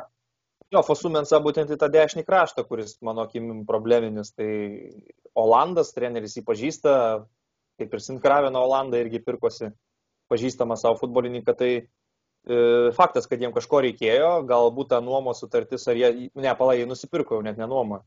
Tai galbūt ne, neblogas bus jiems visai variantas, o dėl pagerėjusios gynybos, tai kiek aš juos žiūrėjau, tai tiesiog šį sezoną treneris galbūt pakeitė truputėlį savo požiūrį ir ta gynybos linija yra žymiai nuleista labiau į apačią ir jie nebežaidžia gal taip atvirai, tokio atviro futbolo, tam prisidėjo turbūt ir pandemija, toks sezonas, kai neturi normalios treniruočio stovyklos pasiruošimų ir treneris gal turi jung daugiau tokio pragmatizmo. Tai aš gal labiau siečiau su tuo, o ne su pačiais e, žaidėjais, nes nu, visi jų gynėjai realiai yra tie patys, kurie žaidė ir pernai. Vis dar esi nepatenkintas e, tą gynėjų centrą. Nu, jisai vienu metu atrodė tas nu, sekantis didelis dalykas, kuris bus iš Vokietijos, tas jau sekantis gynėjas, kuris ten užpildys Botengo vietą rinktinėje ir taip toliau, tai kaip jisai žaidžia jau antri metai iš eilės, nu, nematau aš ten elitinio gynėjo žiūrėdamas į jį. Klaidų nemažai, mobilumo trūksta, toks ganėtinai sunkus, su kamoliu žaidžia irgi neužtikrintai. Galbūt jo tas tikras lygis ir yra Leverkuseno Bayeris ir šią dieną jisai vargiai ar galėtų pereiti kažkokią geresnę komandą. Gerai, tai tada galim Gladbach. Dar gal, dar gal galima pabaigti su Leverkusenu, kad vis dėlto broliai Benderiai, tai jau pabaigs šiais, šiais metais sezoną. Ir Larsas Benderis ten iš vis jau daug metų buvo Leverkusen ir sėdėjo tam dešiniam krašte gynėjai. tai va, kažkaip jie anksti čia nusprendė baigti karjerą, jiems nurodė tik po 32 metus yra. Bet vis tiek Larsas Benderis jau buvo toks kaip ir rūbiniai svarbus asmuo ir kapitonas. Nu, tai tikriausiai kitą metą bus daugiau sprendimų. Ir jie buvo net sezono pradžioje išsinamavę Santiago Ariją iš Atletiko Madrido. Bet jisai susitraumavo anksti ir labai ta ilga trauma, tai dėl to teko dabar ieškoti kažkokių pakaitalų, kad ir... Gal dabar gal prie Gladbacho perėti.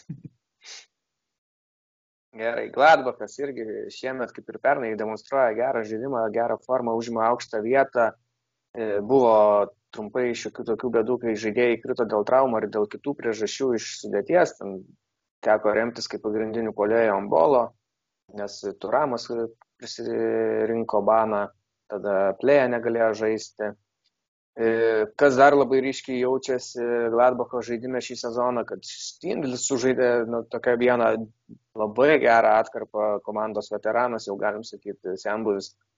Ir atvykęs dešinio krašto gynėjas Valentino Lazaro demonstravo ypač čempionų lygoje gan neblogą formą, kai, kai galėjo žaisti, nes atvyko jisai dar e, turėjo traumą pačioj pradžioje sezono. E, ką manote apie Gladbachą? Gladbachas, gal skaičiau, turi tokį net vieną gražesnių žaidimų šiais metais Bundeslygoje. Jie labai tas atakas gražiai konstruoja. Jie susikuria tą pranašumą, bet problema tai, kad jie nesugeba to pranašumo savo išlaikyti. Ir kažkur subyra, praranda tos taškus, bet, bet šiaip taip, žiūrint tą startinį vienuoliktuką, atrodo, kad ten yra visko, ko reikia. Visko pilnai užtenka, gal tik tai va, kažkokių pakeitimų gynyboje, jeigu reikėtų kažkokių, nes Lazaro vis tiek, nu, jis ne, nepakeičia lainerio taip efektyviai. Ir gal tas dabar su tais polėjais truputį nudegė, nes plėja muša daug įvarčių čempionų lygoje, bet jis mažai žaidžia Bundeslygoje. O Tiramas Ambolo, kaip matom, jie šitoj COVID eroje jiems truputį nelabai tinka jų mentalitetui. Nes jie pastoja kiek suprantu, jie kol kas tiesiog tos vakarėlius turėjo ir dėl to jas pastoja tiesiog nubaudė klubas, nedavė jiems žaisti. Tiramas buvo apspjovęsgi varžovų komandos žaidėjai ir gavo ilgą diskvalifikaciją dėl to, o Brelis Embolo taip, ten jisai dalyvavo su 20 žmonių vakarėlėje per karantiną ir irgi pažydinėjo tą drausmę. Bet sakau, Štindlis šitoje vietoje jiems tampa neįkainojamas svarbus žaidėjas, kur jau prieš kelis metus jis atrodė, kad tiesiog pasitraukė kažkur į šešėlį ir nu, yra tas veteranas, kuris nebe tiek daug žaidžia, gal daugiau ten rūbinė atlieka savo funkcijas, bet dabar, būdamas 32 beros metų, jis vėl iš naujo tapo tokiu tikrų komandos lyderiu. Dar ten iš atakuojančių yra toks Hanesas Wolfas, kuris kartais vis gauna progą pasireikšti ir turi potencialo. Leipzigo akademijoje treniravosi, bet pasirinko dabar Menkengladbachą, kaip tik prieš Leipzigą mušė pergalingą įvartį savo komandai. E, tikrai tiesa dėl to, kad jie kartais neišlaiko savo persvaros, bet pavyzdžiui labai tokiuose didelėse rungtynėse su Leipzigu, su Dortmundu ir su Bayernu jie tą persvarą sugebėjo išlaikyti ir 4-2 nugalėjo Dortmundą, 3-2 Bayerną, 1-0 Leipzigą.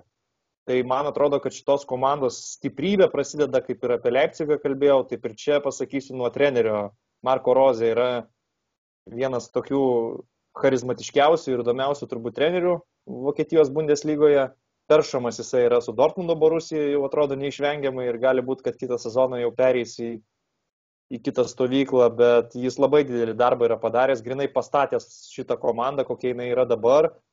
E, daug ten transferų ir pasikeitimų nebuvo lyginant su praeitais metais, bet kai kurie žaidėjai, mano akimis, žengė žingsnį priekį, tiesiog patobulėjo. Tai ir Neuhausas jau nekartą čia paminėtas ir Nikol Vedi vidurio gynėjas labai gerą sezoną kol kas žaidžia. Hoffmanas uh, gerą. Jonas Hoffmanas, taip, Bensebainy yra kairio krašto gynėjas, kuris jau tikrai nurungė veteraną Oskarą Ventą šiuo metu. Jie turi tiesiog labai gerą savo stabilę tokią žaidimo sistemą, pagal kurią visą laiką žaidžia. Ne, nepaėjo, mano manimu, jiems suburtais čempionų lygoje, tikrai tokia komanda galėtų ir čempionų lygoje eiti toliau, iš, išsikapsti iš labai sudėtingos grupės su Realu, Interu ir Šachtarium, bet iš karto aštuntfinalį jau šoko Man, Man City ir šiuo metu abejoju, ar jie būtų pajėgus Man City išmest e, iš dviejų rungtynių, bet bendrai paėmus tai tikrai labai smagi komanda. Aš manau, kad jie turi būti ketvirtė tikrai. Jie gal net e, nepaisant ten Holando ar, ar kai kurių kitų Dortmundo žvaigždžių, bet man jie atrodo geresni ir stabilesni tiesiog šį sezoną už Dortmundą. Aš netgi jau prieš podcastą buvau pagalvojęs tokią gan drąsią, provokuojančią mintį, kad Ar tik nebus toks sezonas, kur įmanoma pamatyti Borusiją už čempionų lygos e, ribų? Ne Gladbacho Borusiją, o Dortmundo Borusiją. Laisvai įmanoma, nematau tame nieko tikrai neįmanoma. E, jie yra, nu, kaip sakant, viename lygyje su Menche Gladbachu, turbūt ir su Leverkusenu. Tai čia labai daug nusisprendžia tiesiog, kuri komanda mažiau išbarsys taškų žaidžiant su, su visais Hoffenheimais, Hertom ir kitom komandom. Aš truputį pas, pasižiūrėjau ir statistiką, palyginau su praėjusio sezono e, tuo pačiu metu rinktų taškų kiekimi, tai tiek Bayeris, tiek Gladbachas, tiek Leipzigas, tiek Dortmundas, jie turi panašiai taškų po 18 turų kaip ir pernai metais. E, kai kurios iš jų mažiau truputį, ten Dortmundas gal keturiais mažiau, bet e, esmė, kad pernai metais e, Dortmundas sužaidė antrą pusę sezono žymiai geriau Bundeslygoje negu pirmą, nes e, Borusija per 18 varžybų turėjo 33 taškus pernai, o galutinai surinko 69, tai nu, daugiau negu pirmoji pusėje. Šiai dienai jie turi 29 taškus, tai jie reiškia, jiems reikės sužaisti antrą pusę dar geriau negu pernai. O pernai jie, mes žinom, gan greitai iškrito iš čempionų lygos, tai irgi galbūt tas prisidėjo prie geresnės formos Bundeslygoje. Galbūt ir taip.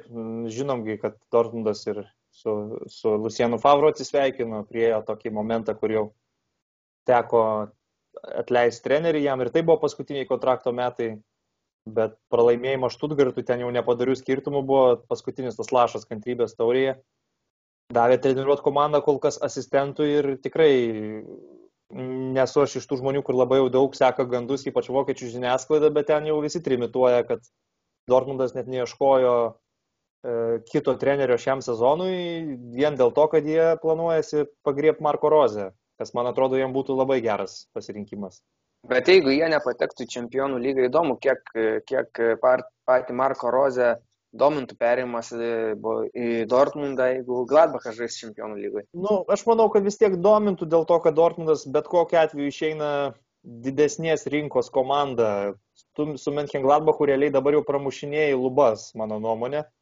O Dortmundo Borusija gerai, tarkime, neišeina į čempionų lygą. Manau, kad pirmas žingsnis, ką jie padaro, tai parduoda Jaidoną Sančią už nemažus pinigus, E, turi finansinių išteklių, turi galimybę Marko Rozijai leisti apsirūpinti jo norimai žaidėjais, gal net iš to paties Gladbacho įsigyti vieną arba kitą futbolininką, kas nebūtų kažkas jau tokio naujo, prisiminus, tarkim, ir Marko Roisą.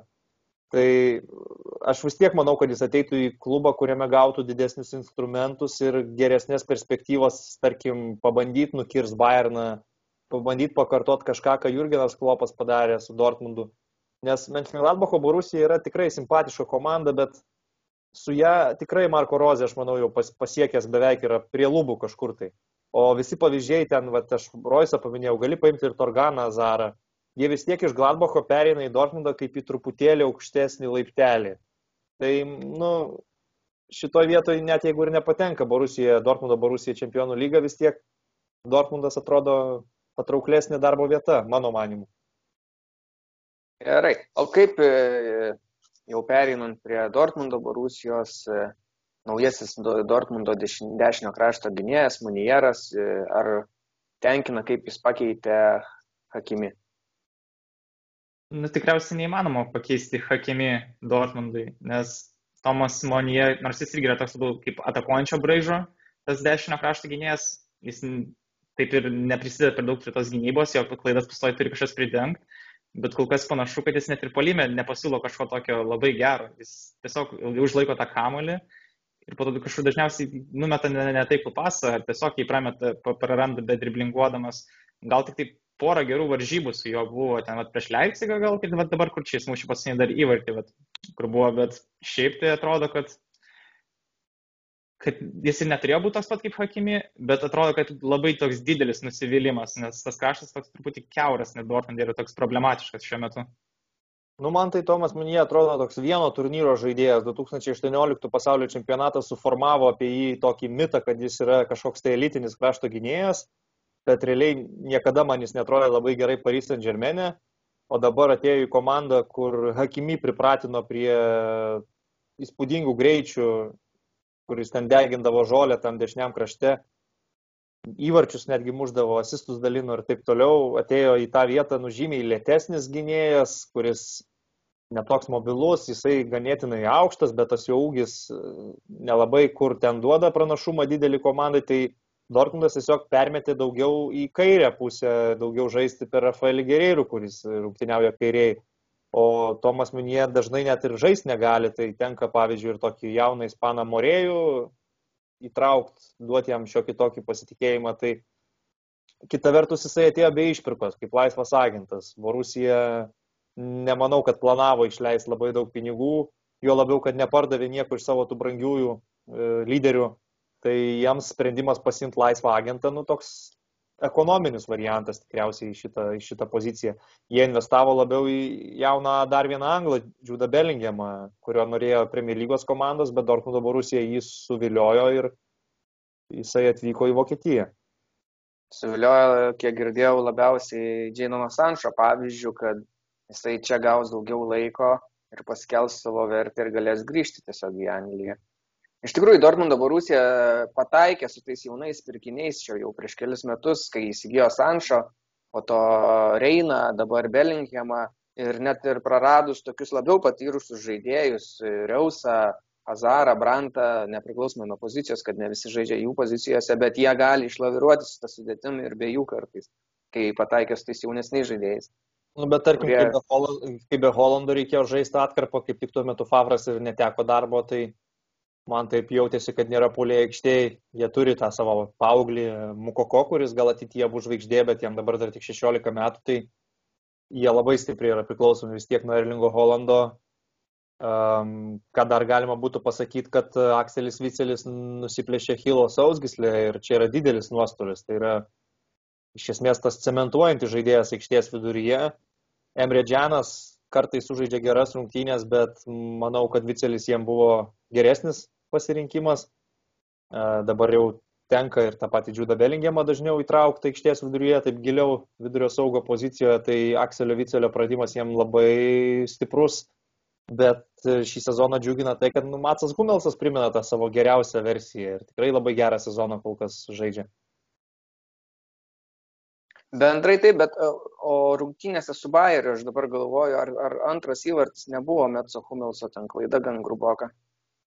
Tai gal ir buvo, bet tai bendrai žiūrint į visą sezoną, jisai tikrai rodo tą lyderio tokį charakterį, net ir įvarčiais pats pasižymėjęs ir pamenu rungtynę su Wolfsburgu, kuris ten du kart nuo vartų linijos vos net mušinėjo kamuolius, tai jis turi tą vis tiek čempionišką patirtį, labai aukšto lygio žaidėjas ir man patinka, kaip jis atrodo šį sezoną, tačiau tarkim su juo poroj žaidžia toksai Manuelis Akandži, kur nu labai pažeidžiamas futbolininkas ir E, Humelsas geras, bet jeigu šalia jo kitas gynėjas nėra toks patikimas, tai neišvengiamai atsiranda spragų ir man net Romanas Birki kaip vartininkas niekada netrodo labai patikimas. Jis toks tarsi ir turi viską, ko reikia, gerai žaidžia kojom, visą kitą, bet per sezoną bent kokias penkias kliurkas taip stabiliai pasidaro. Nu, bet jie eina turbūt savo to keliu, kad Dortmundas turi atitinkamą futbolo kultūrą, tai turi būti atakuojanti, gražiai žaidžianti komanda ir pas juos visas tas talentas labiau suspaustas būna į, į saugų e, liniją, į, į atakuojančius, kur, kūriančius žaidėjus, tai ten tikrai pavardės pakankamai rimtos. Ka, kaip vertinat galimybės Dortmundo čempionų lygoje gavus e, stiprų priešininką Seviliją?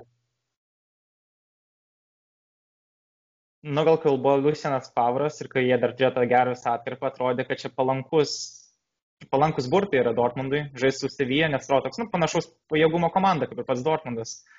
Bet dabar, kai jie tokie nestabilus, tiek gynybiškai, tiek polimentai, nežinau, ar Hollandas su Sančio galės pratemti juos ten, nes jie dabar dar pastiprino ir su Papu Gomezu atėjusio iš Atalantos.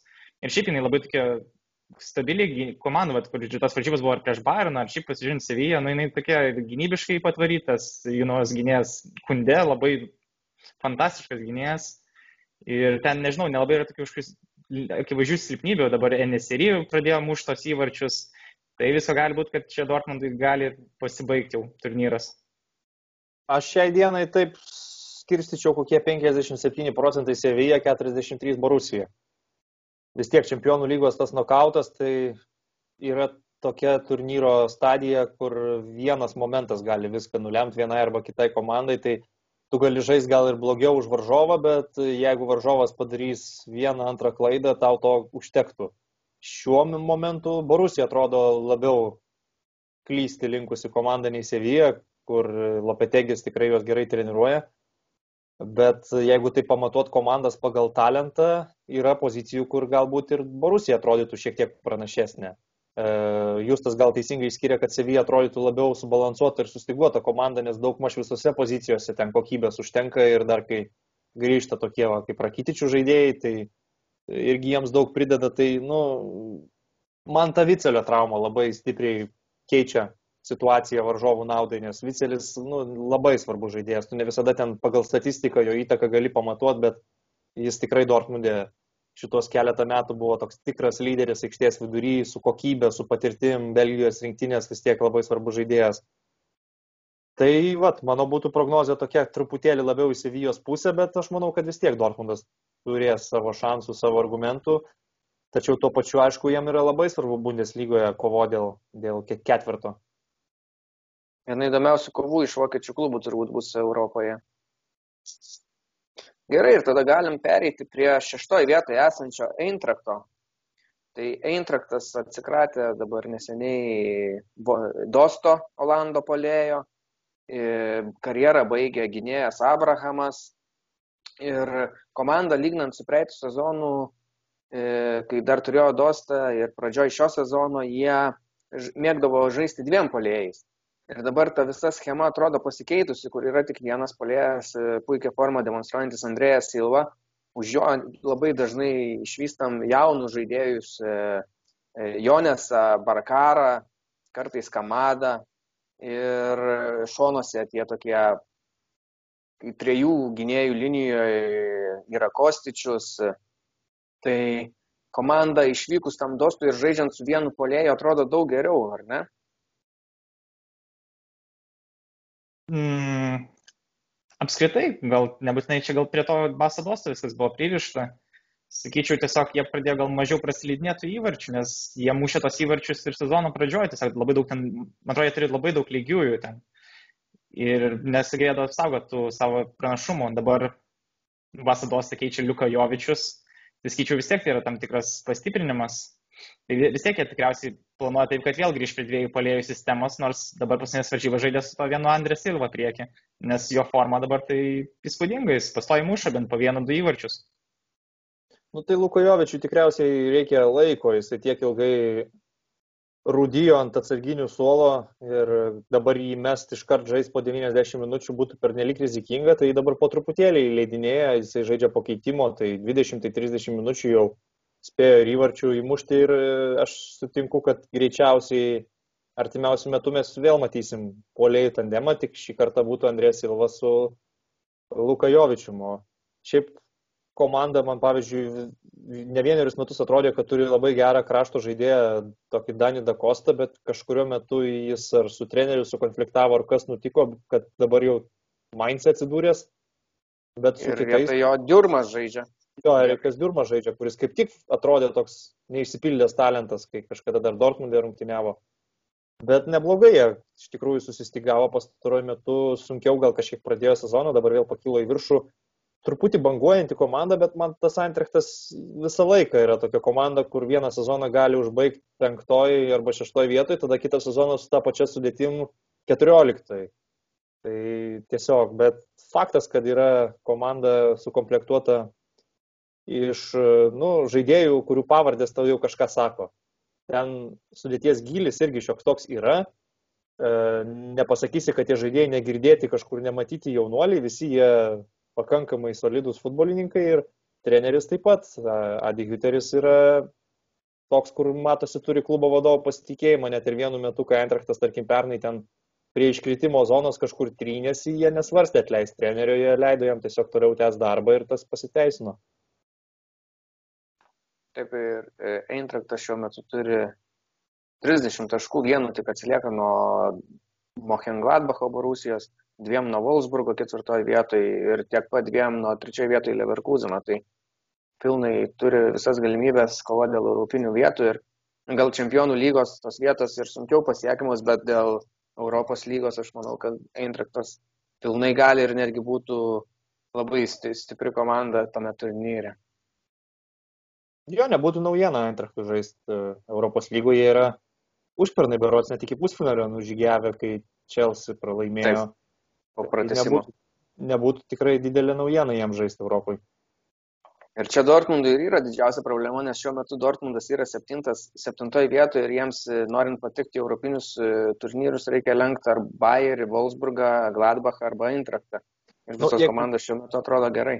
Jei kalbėsim apie Europos lygą, tai nereikėtų pamiršti vieno dalyko, kad taurės turnyras dabar tapo visiškai atviras, kai iškrito Müncheno Bayernas, tai negali atmest tokio varianto, kad kažkuri komanda, kuri per lygą ne, nepatenka į į Europos lygą iškovotų tą vietą, tarkim, laimint taurę, nes taurės turnyras dabar toks visiškai atviras, kur visos komandos, kurios liko, nu, gal nesitikė, kad ten Kylio Holsteinas eis iki galo, bet nu, praktiškai visos likusios komandos gali pakovoti dėl to titulo.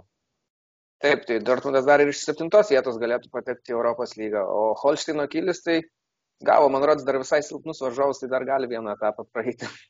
Ne, tai gali tikrai, tikrai faktas, vieną etapą, bet kažkur vis tiek pasiekė tą savo lubas. Iki finalo nelabai tikėtina, kad dais. Visai bus įdomi taurė, taurė, taurė pažiūrėti finale, kas ten susitiks iš, iš tų kitų komandų. Kažkas, kažkas naujo, kažkas jau naujo. Tai kažkuria prasme įdomiau jo. Gerai, tai Wolfsburgas tada dar ketvirtoji vietoje yra. Tau ryti visai imponuoja ta komanda.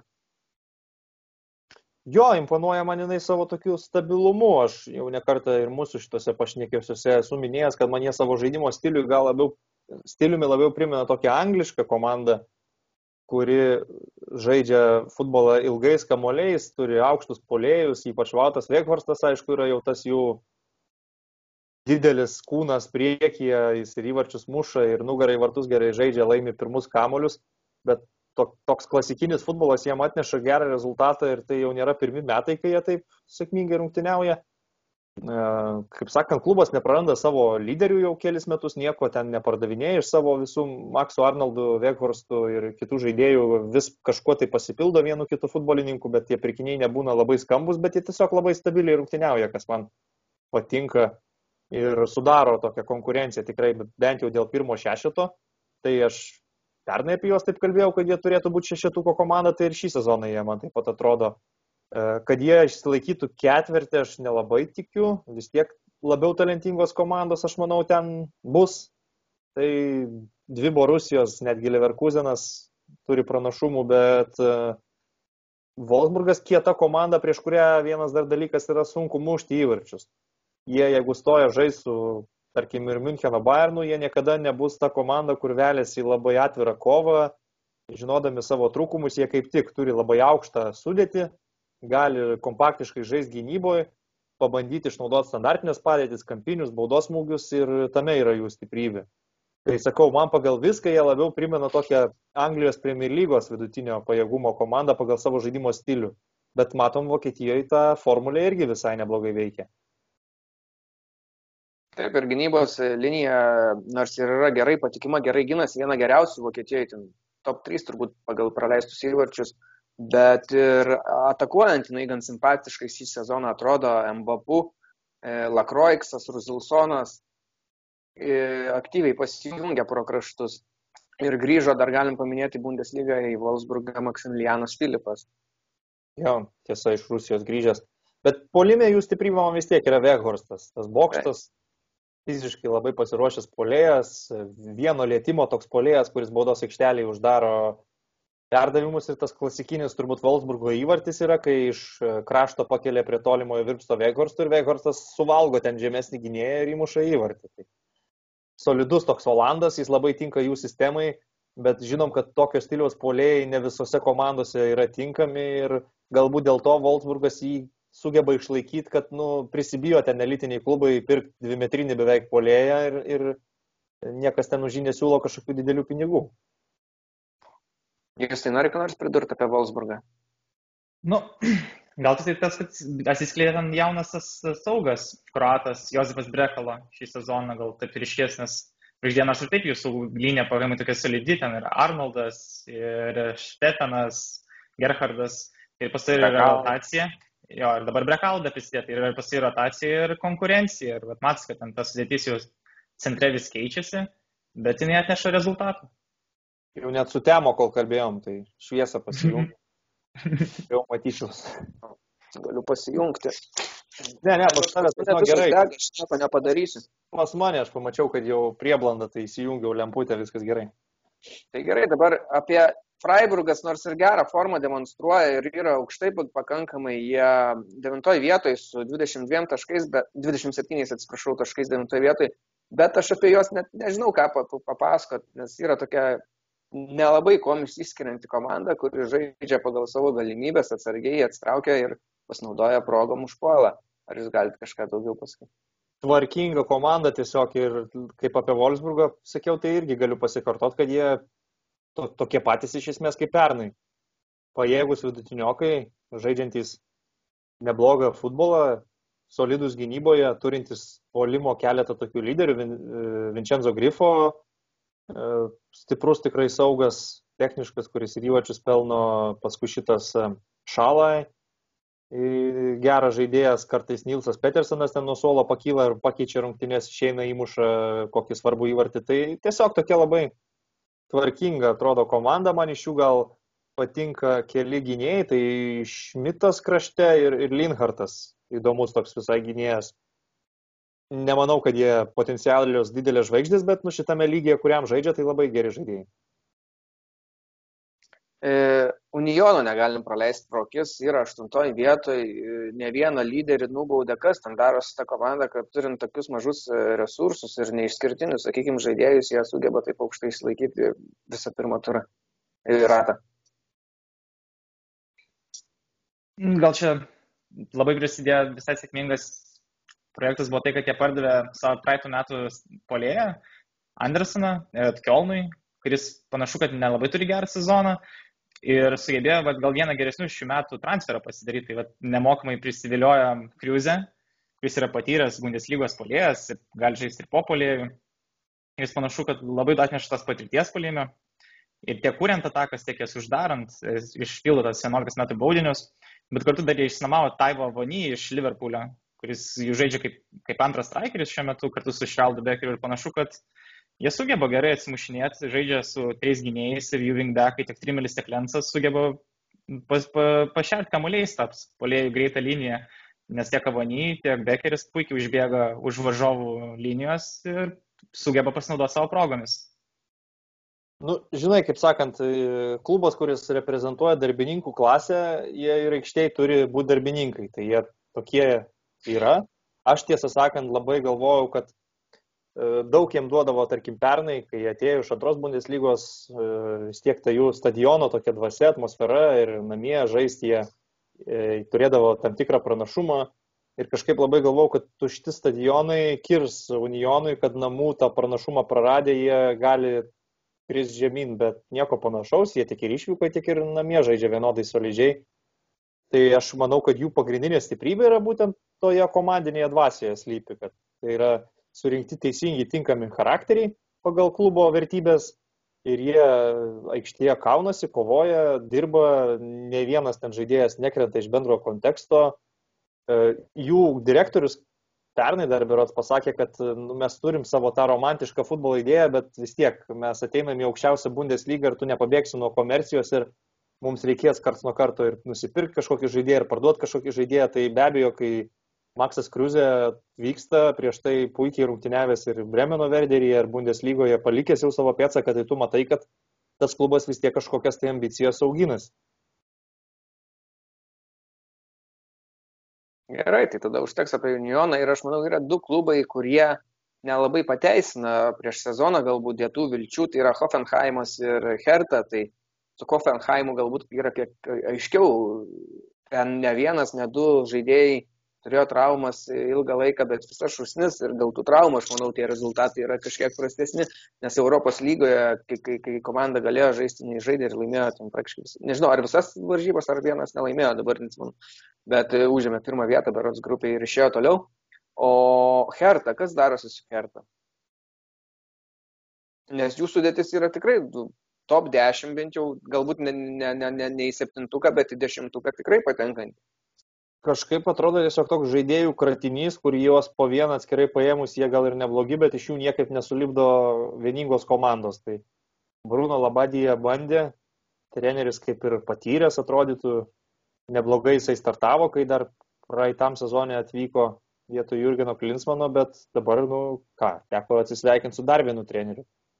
Tai Herta deklaruoja nemažai ten savo ambicijas, kad turi Berlynas turėti komandą čempionų lygoje, kad jie turi varžytis dėl pačių aukščiausių tikslų ir tų pavardžių vat, prisivilioja, ten Piontekas, e, šitas Tusaras, e, Gendozy iš Arsenalo atvažiavęs.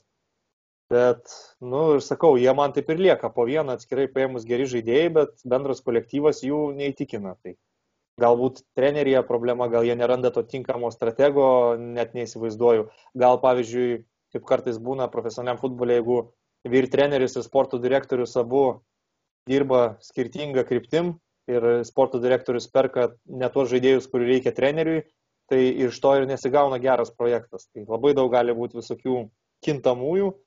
Abu atleisti dabar buvo ir, ir sporto direktorius. Taip, tai dabar su abiem sveikinu. Tai galbūt tai yra ženklas, kad tiesiog e, klubas neranda tinkamų žmonių į tas labai strategiškai svarbias pozicijas, nes žaidėjai, nu, netrodo jie blogi taip pat bendrai paėmus. Man, tarkim, iš jų labiausiai gal patinka jaunas Brazilas Kūnija, kur atrodo toks potencialiai gal net Brazilijos rinktinės žaidėjas kažkada ateityje.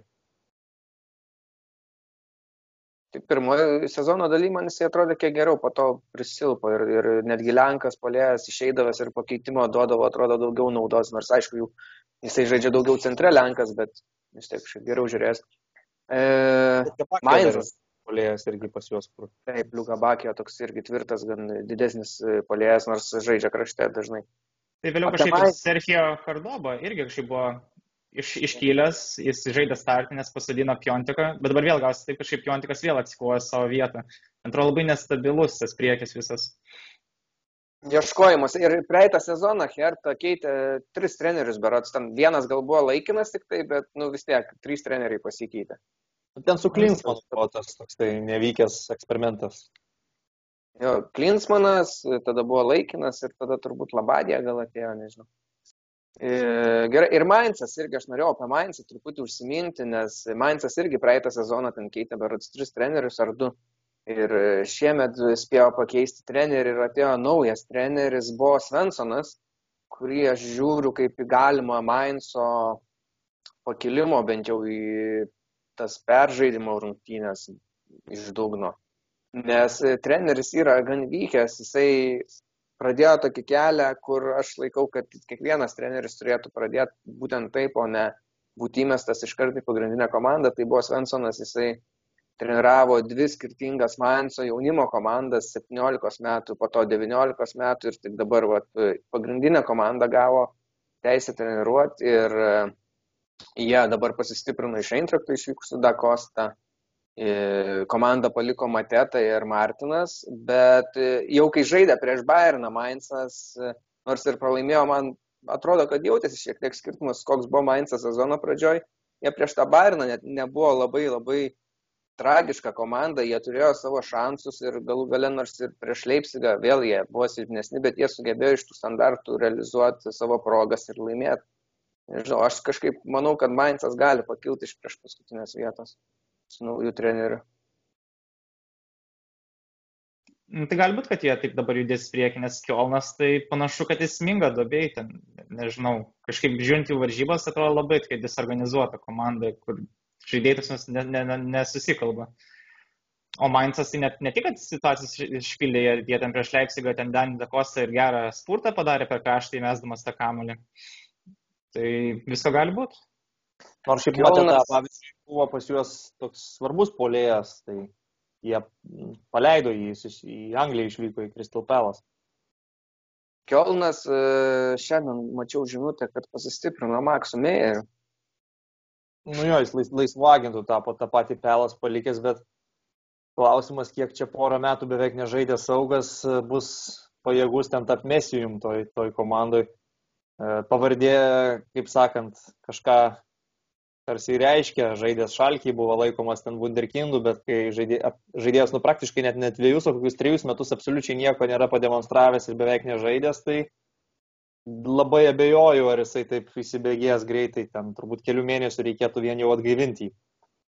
Kiolano Arminijos nedaug e, skiria, tai aš kažkaip sentimento Arminijai nei kiek nejaučiu, tai tos komandos galėtų visai apsimainyti vietom ir Mainzas pakilt, kad Arminija kristų, o ne, ne, ne šios dvi jau tokios ilgametės e, ryškios Bundeslygos komandos, bent jau savo vardu. Nu, nors Arminija pagal savo galimybės, tai man atrodo demonstruoja visai neprastą futbolą, jie, sakant. Nebus kažkokie išsišokėliai, bet žaidžia neblogai pagal savo galimybės, ten vieną kitą žaidėją atrado Donas, yra iš, iš PSV beros pasiskolintas toks saugas, kuris ir standartus gerai atlieka ir iš toli smūgiuoja, tai manau, kad su savo potencialu jie pajėgus ten irgi grumtis dėl tos bent jau pereinamų rungtynių pozicijos kažkas tai tokio. Ir tada mano antra pagal mėgstamumą šį sezoną turbūt komanda e, Šalkė kur buvo prikaušiusi ne tik Bundeslygos gerbėjai dėmesį, bet ir viso pasaulio su savo antirekordais ir vos nepagerintų Berlyno Tasmanijos rekordų pralaimėtų varžybų, nelaimėtų varžybų serijos. E, tai nežinau, ar galim tikėtis kažkokio pagerėjimo šalkiai. E, aš tai nežinau, jeigu ir galima, tai turbūt siečiau tą pagerėjimą su iš arsenalo grįžusiu gynėju ir šiek tiek atsiskleidusiu jauno amerikiečių Hope kuris įmušė keturis berots įvarčius ten per dvi varžybas. Nu, tikriausiai ne vienas su žaidėjais reikia sieti, nes vien žiūrint tas varžybas, kurios buvo dabar prieš Bayerną ir lyginant, kas buvo prieš tai, tai dvi skirtingos tokios komandos atėjo žais, nes šitą atrodo ir gali ir pasiginti ir tų paimų situacijų buvo ten, kur nori te, kuris su keliuku ištraukti įvartį ir ten jie pastoja aplink skirsinius smūgiavo. Tai Tik tai klausimas, ar jie šiandien per vėlai susijėmė, nes dabar šitas jų renkami tie Avengeriai grįžimas, Hunteliaras, Kalašinačius, nežinau, kas dar gal Draxleris nori sugrįžti, padėti klubui. Per aukšto lygio būtų Draxleris jiems. Po kokių septynių metų gal. Tai jo, tai žiūrėsim, ar jie sugebės vis dėlto dar kažkaip susigriepti, nes jiems iki arminės į 10 taškų dar kokių ten reikia pririnkti papildomų. Tai visai taip nemažai. Taip, 17. problema, problema tame ne tik, kad sportiniai tokie rezultatai, bet e, Gelsenkircheno šalkiai yra labai gilioj finansiniai kriziai ir jeigu jie iškristų į antrą Bundeslygą, būtų priversti daryti didelį apsivalymą ir paleidinėti savo gerus žaidėjus ten turbūt net už kapeikas, už mažas išpirkas, tik tam, kad savo tas finansinės knygas kažkaip sustvarkyti ir aš įsivaizduoju, jiem grįžimas atgal į elitinį divizioną nebūtų toks jau lengvas, kai ten, tarkim, Kielnas iškrito, bet realiai su visa ta pačia sudėtim liko ir, ir greitai sugrįžo atgal. Štutgartas irgi tą patį padarė. Tai šalkės procesas, manau, būtų gerokai sunkesnis ir e, tikrai jie ne iš gero gyvenimo, ten tarkim Huntelarą prisikviečia, ar ten su Ibiševičium kažką bandė, kol Lašinacas sugrįžta, nu jie tiesiog neturi pinigų kažką geresnio pirkti, kažkokius tai jaunus, kokybiškus žaidėjus įsigyti, jie va tokiom nuomom ar kažkokiais veteranais, laisvais agentais bando pridengti vieną ar kitą problemą, tai septynis taškus nesurinkė. Labai man niūriai atrodo tos perspektyvos įsigelbėt, bet tu, tuo pačiu, sakyčiau, iš tiesų, kai dabar žaidė su Bayernu, nežiūrint, kad rezultatas 0-4, bet matėsi komanda jau žymiai solidesnė, kuri gali kažką tokio pasiūlyti. Kaip ten bebūtų, yra vienas kitas žaidėjas pas juos, kuriuos aš pilnai įsivaizduočiau ir, ir geresniai komandai, ten pirmoji lentelės pusėje, toks, tarkim, Suatas ar Daras, nu, kokybiškas saugas, visiškai jis neblogai atrodo ir jeigu Šalkė iškrenta į antrą Bundeslygą, tai turbūt vienas pirmųjų, kurių agentai pradėtų skambinti ir, ir paliktų komandą dėl geresnio pasiūlymo. Tai ir dar bent keli yra tokie su potencialu žaidėjai, Kabakas tas pas vidurio gynėjas. Nu, pliusas už tai, kad, sakyčiau, vartininką atgaivino, nes Fermonas atrodo visiškai nurašytas jau asmuo, bet pastaruoju metu atrodo truputėlį susigražino tą savo formą ir jau atsikovojo tą pagrindinio vartininko poziciją. Dar įdomus faktas, kad būtent šiuo metu po 18 turų pernai Šalkė turėjo 33 taškus ir per likusį antrą turą surinko tik 6, 39 bendrai baigė lentelį ir būtent nuo kitų varžybų jie, man rodos, 19 turė atsikrovė nuo Bayerno ir viskas baigės, prasidėjo ta jų serija. Ir šiaip, va, kai, kai žiūri tas rungtynės su Bayernu, bet jau man kilo tokia mintis, šalkė dabar nu gilioj, gilioj krizėje, ar ne, paskutiniai vietoj, bet tu žiūri tas rungtynės ir tu matai, Bayernas, Manuelis Noeris išalkės, Lerojus Ane išalkės, Leonas Goretska išalkės, ant suolo atsarginis vartininkas Nivelis išalkės. kiek yra paleidę puikių žaidėjų, kurie tapo rinktinės e, lyderiais šitas klubas ir dabar prieėjęs tokį nu, kritinį momentą, kur vos ne, ne tai, kad išlikimo Bundeslygai, bet vos ne apskritai klubo išgyvenimo klausimas yra sprendžiamas. Tai jo, kaip sakant, per dešimt metų gali nuo čempionų lygos pusfinalio komandos, ar tai ketvirtfinalio? Pusfinalio buvo ir dar kurioje žaidė Raulis. Nu tai va, tai per dešimt metų nuo tokio lygio tu gali nusiristi iki dugno, absoliutaus dugno Bundeslygoje. Gerai, tai baigiam apie Bundeslygą, tik tai aš dar norėčiau kelias komandas e, žaidžiančias Europoje, mes ne, nepaminėjom, kai, ką manom apie Bariną su Lazijo ir ką manom apie Leipzigą su Liverpooliu, Gladbachas susičių, viskas aišku, BVB Sevilyje aptariam ir tada dar Europos lygoje yra Bayeris su Young Boys ir Hoffenheimas su Molde. Nu tai galim nuo Bayerno taip pradėti, nes čia manau nėra daug ką kalbėti, labai nematau aš šansų Lacijo ekipai.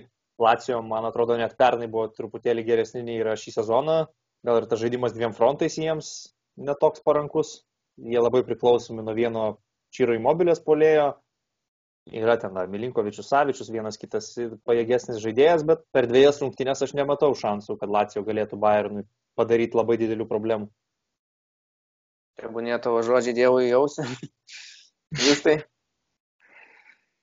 Nu, nors ir Lacijo kaip ir dabar atsigauna, nes pradžioje sezonai buvo ypač labai sunku, ten serijoje, man atrodo, 7 ar 8 stovėjo, dabar jie liktais jau bent pagerėjo rezultatai. Bet jo, mažai progų jiems tikriausiai bus prieš Barnas. Barnas jau, koks jau buvo prieš mėnesį, gal jie būtų ir įveikę Barną, bet koks Barnas bus vat, po mėnesio, tai aš jau manau jau čia nebent kažkokie sėkmės reikalai arba kažkas jau labai nenusisektų Barnai. O kaip Leipzigas su Liverpooliu, man šiek tiek tokia įdomesnė dabar atrodo dvikova, nes Liverpoolio forma yra nelabai ne, ne, ne gera. Ar turi Leipzigas šansų prieš šią stiprią anglų komandą? Mm, nu, tikriausiai dabar Liverpoolis yra tam tikroje krizėje, bet aš abejoju, ar ta krizė dar taip ilgai truks, nes jinai prasidėjo, man atrodo, prieš naujus metus. Nu, tai aš nesįdoju, kad Liverpoolis gali va, du mėnesius va, tai žaisti tokį futbolą. Aš jau vis tiek jau kažkaip spėju, kad prieš Leipzigą jau jie bus jau plius minus taip, jie visada žaidžia. Na pamatysim įdomias varžybas, nes tikriausiai vis tiek Liverpoolis bus favoritai bet kuriu atveju, bet Leipzigas lengvai taip ir nekris vis tiek solidi komanda. Jo, aš irgi laukiu geros kovos. Tikrai netikiu, kad gali Liverpoolis taip purve kapstytis porą mėnesių per daug gerą komandą, per daug geras treneris. Net ir kai yra traumų, nu vis tiek tas sudėtis, ta kokybė, tas polimo trejetas galų gale negali du mėnesius taip blankiai žaisti. Tai faktas, kad Liverpoolį mes matysim šiek tiek jau kitokį vasario pabaigoje prieš tą čempionų lygą, o šitai porai, nu, aš galvoju, užlibdytas iš anksto jau yra, kaip sakant, štampas etiketė, kad nu, čia yra tiesiog e, Nagelsmanas prieš klop. Čia labai akivaizdu, du vokiečių treneriai, vienas jau, kaip sakant, grandų grandas, viską laimėjęs ir viską įrodęs, ir vienas kylantis jaunas toks superstaras treneris. Ir abu vienas prieš kitą dabar stoja ir pasižiūrėsime, kuris gal ir iš tos taktinės pusės ten kažkuo tai nustebins. Leipzigas turi pakankamai kokybės, pakankamai gerą sudėtį, kad pasipriešintų. Sakykime, pernai jie nuėjo toli čempionų lygoje, bet gali sakyti, kad jiem truputį pasisekė, kad gavo Tottenhamą ten be Harry Kane ir be Son Hilmino, e, gavo žaisti Atletiko tik iš vienų rungtynių, ne iš dviejų rungtynių. Nu, procentų ten paskirčiau Dortmundui su Sevija, tai čia paskirčiau taip, šiam 5 Liverpoolis, 35 Leipzigas, maždaug tokį variantą. Gerai, o tada Europos lyga Bayeris prieš Young Boys.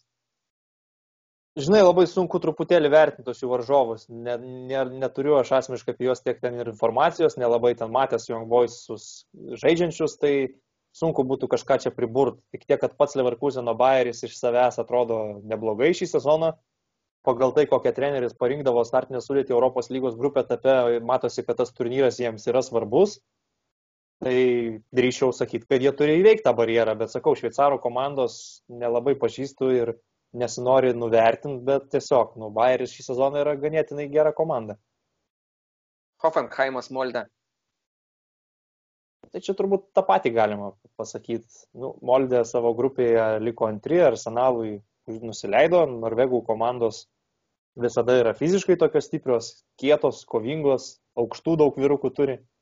Hoffenheimas pats, nu, kaip sakant, kai buvo pirmieji pasiguldę Bayerną, atrodė, kad Hoffenheimas jau šį sezoną gali verst kalnus, bet nieko panašaus. 14 beros tik tai vieta dabar. Yra ten tų asmenybių, yra lyderių, Kramaričius visų pirma, bet tu kalbėjai ir apie tas visas traumas, tai nežinau, koks, tarkim, jų būtų požiūris, kad jie dabar labiau suinteresuoti e, apraminti e, savo situaciją Bundeslygoje, pasirinkti taškų, ar jie nori tikrai giliai į Europos lygoje. Tai dar toks klausimas. Teoriškai, kaip ir turėtum sakyti, kad vokiečių komanda yra geresnė už Norvegų, bet Hoffenheimas šiai dienai vargu ar gali bet kokį varžovą nuvertinti ir jiems, kad iškovot pergalę vis tiek turbūt reikia sužaisti geras rungtynės. Taip, Hoffenheimas yra 11 vietoje, bet vis tiek labai nemažai atsilieka nuo 7 vietos. Ir šiaip vokiečių klubai, kurie varžosi Europos lygoje, na, netaip dažnai patenka į pastaruoju metu į aukštesnė, aukštesnės turnyro e, etapus. Na, turėjome Intraktą prieš porą metų, buvo Dortmundas dar seniau, bet na, tai nėra, kad pastoviai kokius pusfinalius prasibrautų, kaž, kažko vis pritrūksta jam. Aš, aš manau, kad čia dažniausiai yra sudėties gilio klausimas, kai žaisti dviem frontais ketvirtadienį ir sekmadienį tuo pačiu vienuoliktuku yra per daug sudėtinga, o jeigu ta komanda neturi bent jau šešių, septynių stiprių atsarginių žaidėjų, tai pradėjus rotaciją, pasodinus vieną ar kitą lyderį, labai smunka stipriai žaidimo kokybė. Tai tame ir yra esmė, kad, tarkim, Europos lygoje grupės labai lengvai, tarkim, įveikia ir paskui, jeigu atranda savy motivacijos, anglų klubai gali eiti labai toli, nes, nu, jie turi žymiai platesnę sudėtį, daugiau gylio ant suolo, daugiau kokybės ant suolo ir tas jų pranašumas labai pasimato žaidžiant tokį turnyrą. Nes, žinai, ketvirtadienį tu turi rungtynės, o paskui dar sekmadienį Bundeslygoje tau būtinai reikia taškų, tai vis tiek treneris kažkokį prioritetą privalo pasirinkti. Ir dažnu atveju Europos lyga yra aukojama dėl to, kad e, iš piniginės pusės tas turnyras netiek daug finansų atneša. Čempionų lyga, faktas, ten jau yra labai dideli televizijos pinigai. Europos lyga kitą kartą net iškritęs po grupio etapo, ten per daug e, nesisielai, kad nepavyko. Jūs tai turi ką pridurti? Dar pasinė komanda Europos lygų, kurį žaidė kas Wolfsburgas, bet jie atkrintamas. Jie į grupės jau net nepraėjo vienintelį, bet visas kitas vokiečių komandas praėjo. Dėl kitų tų varžybų nelabai ką turiu pridurti, tiesiog gal nepakalbėjom apie Gladbachą su Siečiu, nu, bet ten gal ir nelabai ką yra kalbėti, nes Sitis tikriausiai. Jeigu atrodys taip, kaip dabar atrodo, tai nu, tikrai sunkiai įsivaizduočiau sensaciją. Jo, man atrodo, Pepas tik tai su Bayernu nelabai kada yra Gladbacho įveikęs, dažniausiai pro lygiosiam pasveikdavo, bet arba šiaip nu Bayernas dažniausiai pralaimi Gladbachui, bet man atrodo, čia jau Pepas jau pramuš savo tą prakiksmą ir nugalės jau Gladbachą. Gladbachui, aš manau, Europoje ir šiaip yra jau neblogas sezonas, jie išėjo iš tikrai sunkios grupės, jau minėjau, išmes, neišmes, bet žaidė su Realu ir Interu, išmetė Interą. Nu, tai čia fantastika. Spektarius irgi komanda, kurios Taip, galima nuvertinti jų europinę tą patirtis ir brazilų tie talentai, tai nėra lengva su Donetsku žaisti. Tai gerai, aš manau, užteks šiam vakarui labai nemažai mes prakalbėjom ir pokalbis, manau, buvo visai smagus ir kokybiškas, tai ačiū tau ryti. Dėkui Jums, ačiū, kad pasikvietėt. Įtvirtinimui dar norėjau pasakyti, kad e, džiaugiuosi šį sezoną dėl Bremeno Verderio, man toks simpatiškas klubas, tai labai man neramu buvo, kai jie ten pernai per plauką laikėsi, tai džiaugiuosi, kad šį sezoną jie žymiai solidesni ir taip visai tvarkingai turnyro lentelės viduryje tvarkosi. Aš irgi labai džiaugiuosi dėl Verder, aš dar pamenu, kaip aš praeitais metais gėdingai juos traukiau į top 7 ir jie vos išsikapstė iš dugno. E, bet tai rungtynės buvo ne pačias lengviausias. Pirmasis lygiom berots sužaidė. Tai Verderis irgi, kaip dauguma klubų, jos finansiškai paveikė tą pandemiją ir jie turėjo atsisakyti gerą žaidėjo klasę, na išvyko atgal į Olandiją. Bet kol kas laikas ir paskutinėse varžybose dabar jie nugalėjo, prieš ką jie žaidė, gerą komandą nugalėjo paros. Bet Hertha, man atrodo, 4-1, jo. jo. Mane džiugina tokie klubai ir jų požiūris tuo, kad, tarkim, jie labai tiki savo jaunų trenerių Kofiltų ir jie net leido jo pernai, kai jau buvo visiškai, jau atrodė komanda prispausta prie sienos, tai aš labai sveikinu tokius vat, klubus, kur turi kantrybės pasitikė savo žmonėm ir leidžia jiem iš sunkių padėčių išsisukti. Tai Verderiui tikrai pagarba už tai. Ir Verderis irgi turi savo amerikietišką atstovą, tai Sargentą polime. Labai ryš, ryški persona, kurios negali nepastebėti. Aikštėje pasirodė. Tai lengva, lengva užmetinėti kamuolius tokiam tvirtam polėjui. Labai gerai matosi jisai priekyje tikrai. Tai gerai, dar kartą ačiū ryti, kad e, sutikai su mumis pasikalbėti jau penktą kartą, praturtini mūsų laidą nepamatuojamai. Ačiū tau, jūs tai irgi labai smagiai paivairinai laidą, buvo išgirsti malonų kitokios nuomonės, papildančios nuomonės ir trys pokalbis, man rodos, netgi dar smagesnis negu dviese. Ir ačiū klausytojams ir susitiksim tada jau sezono pabaigoje.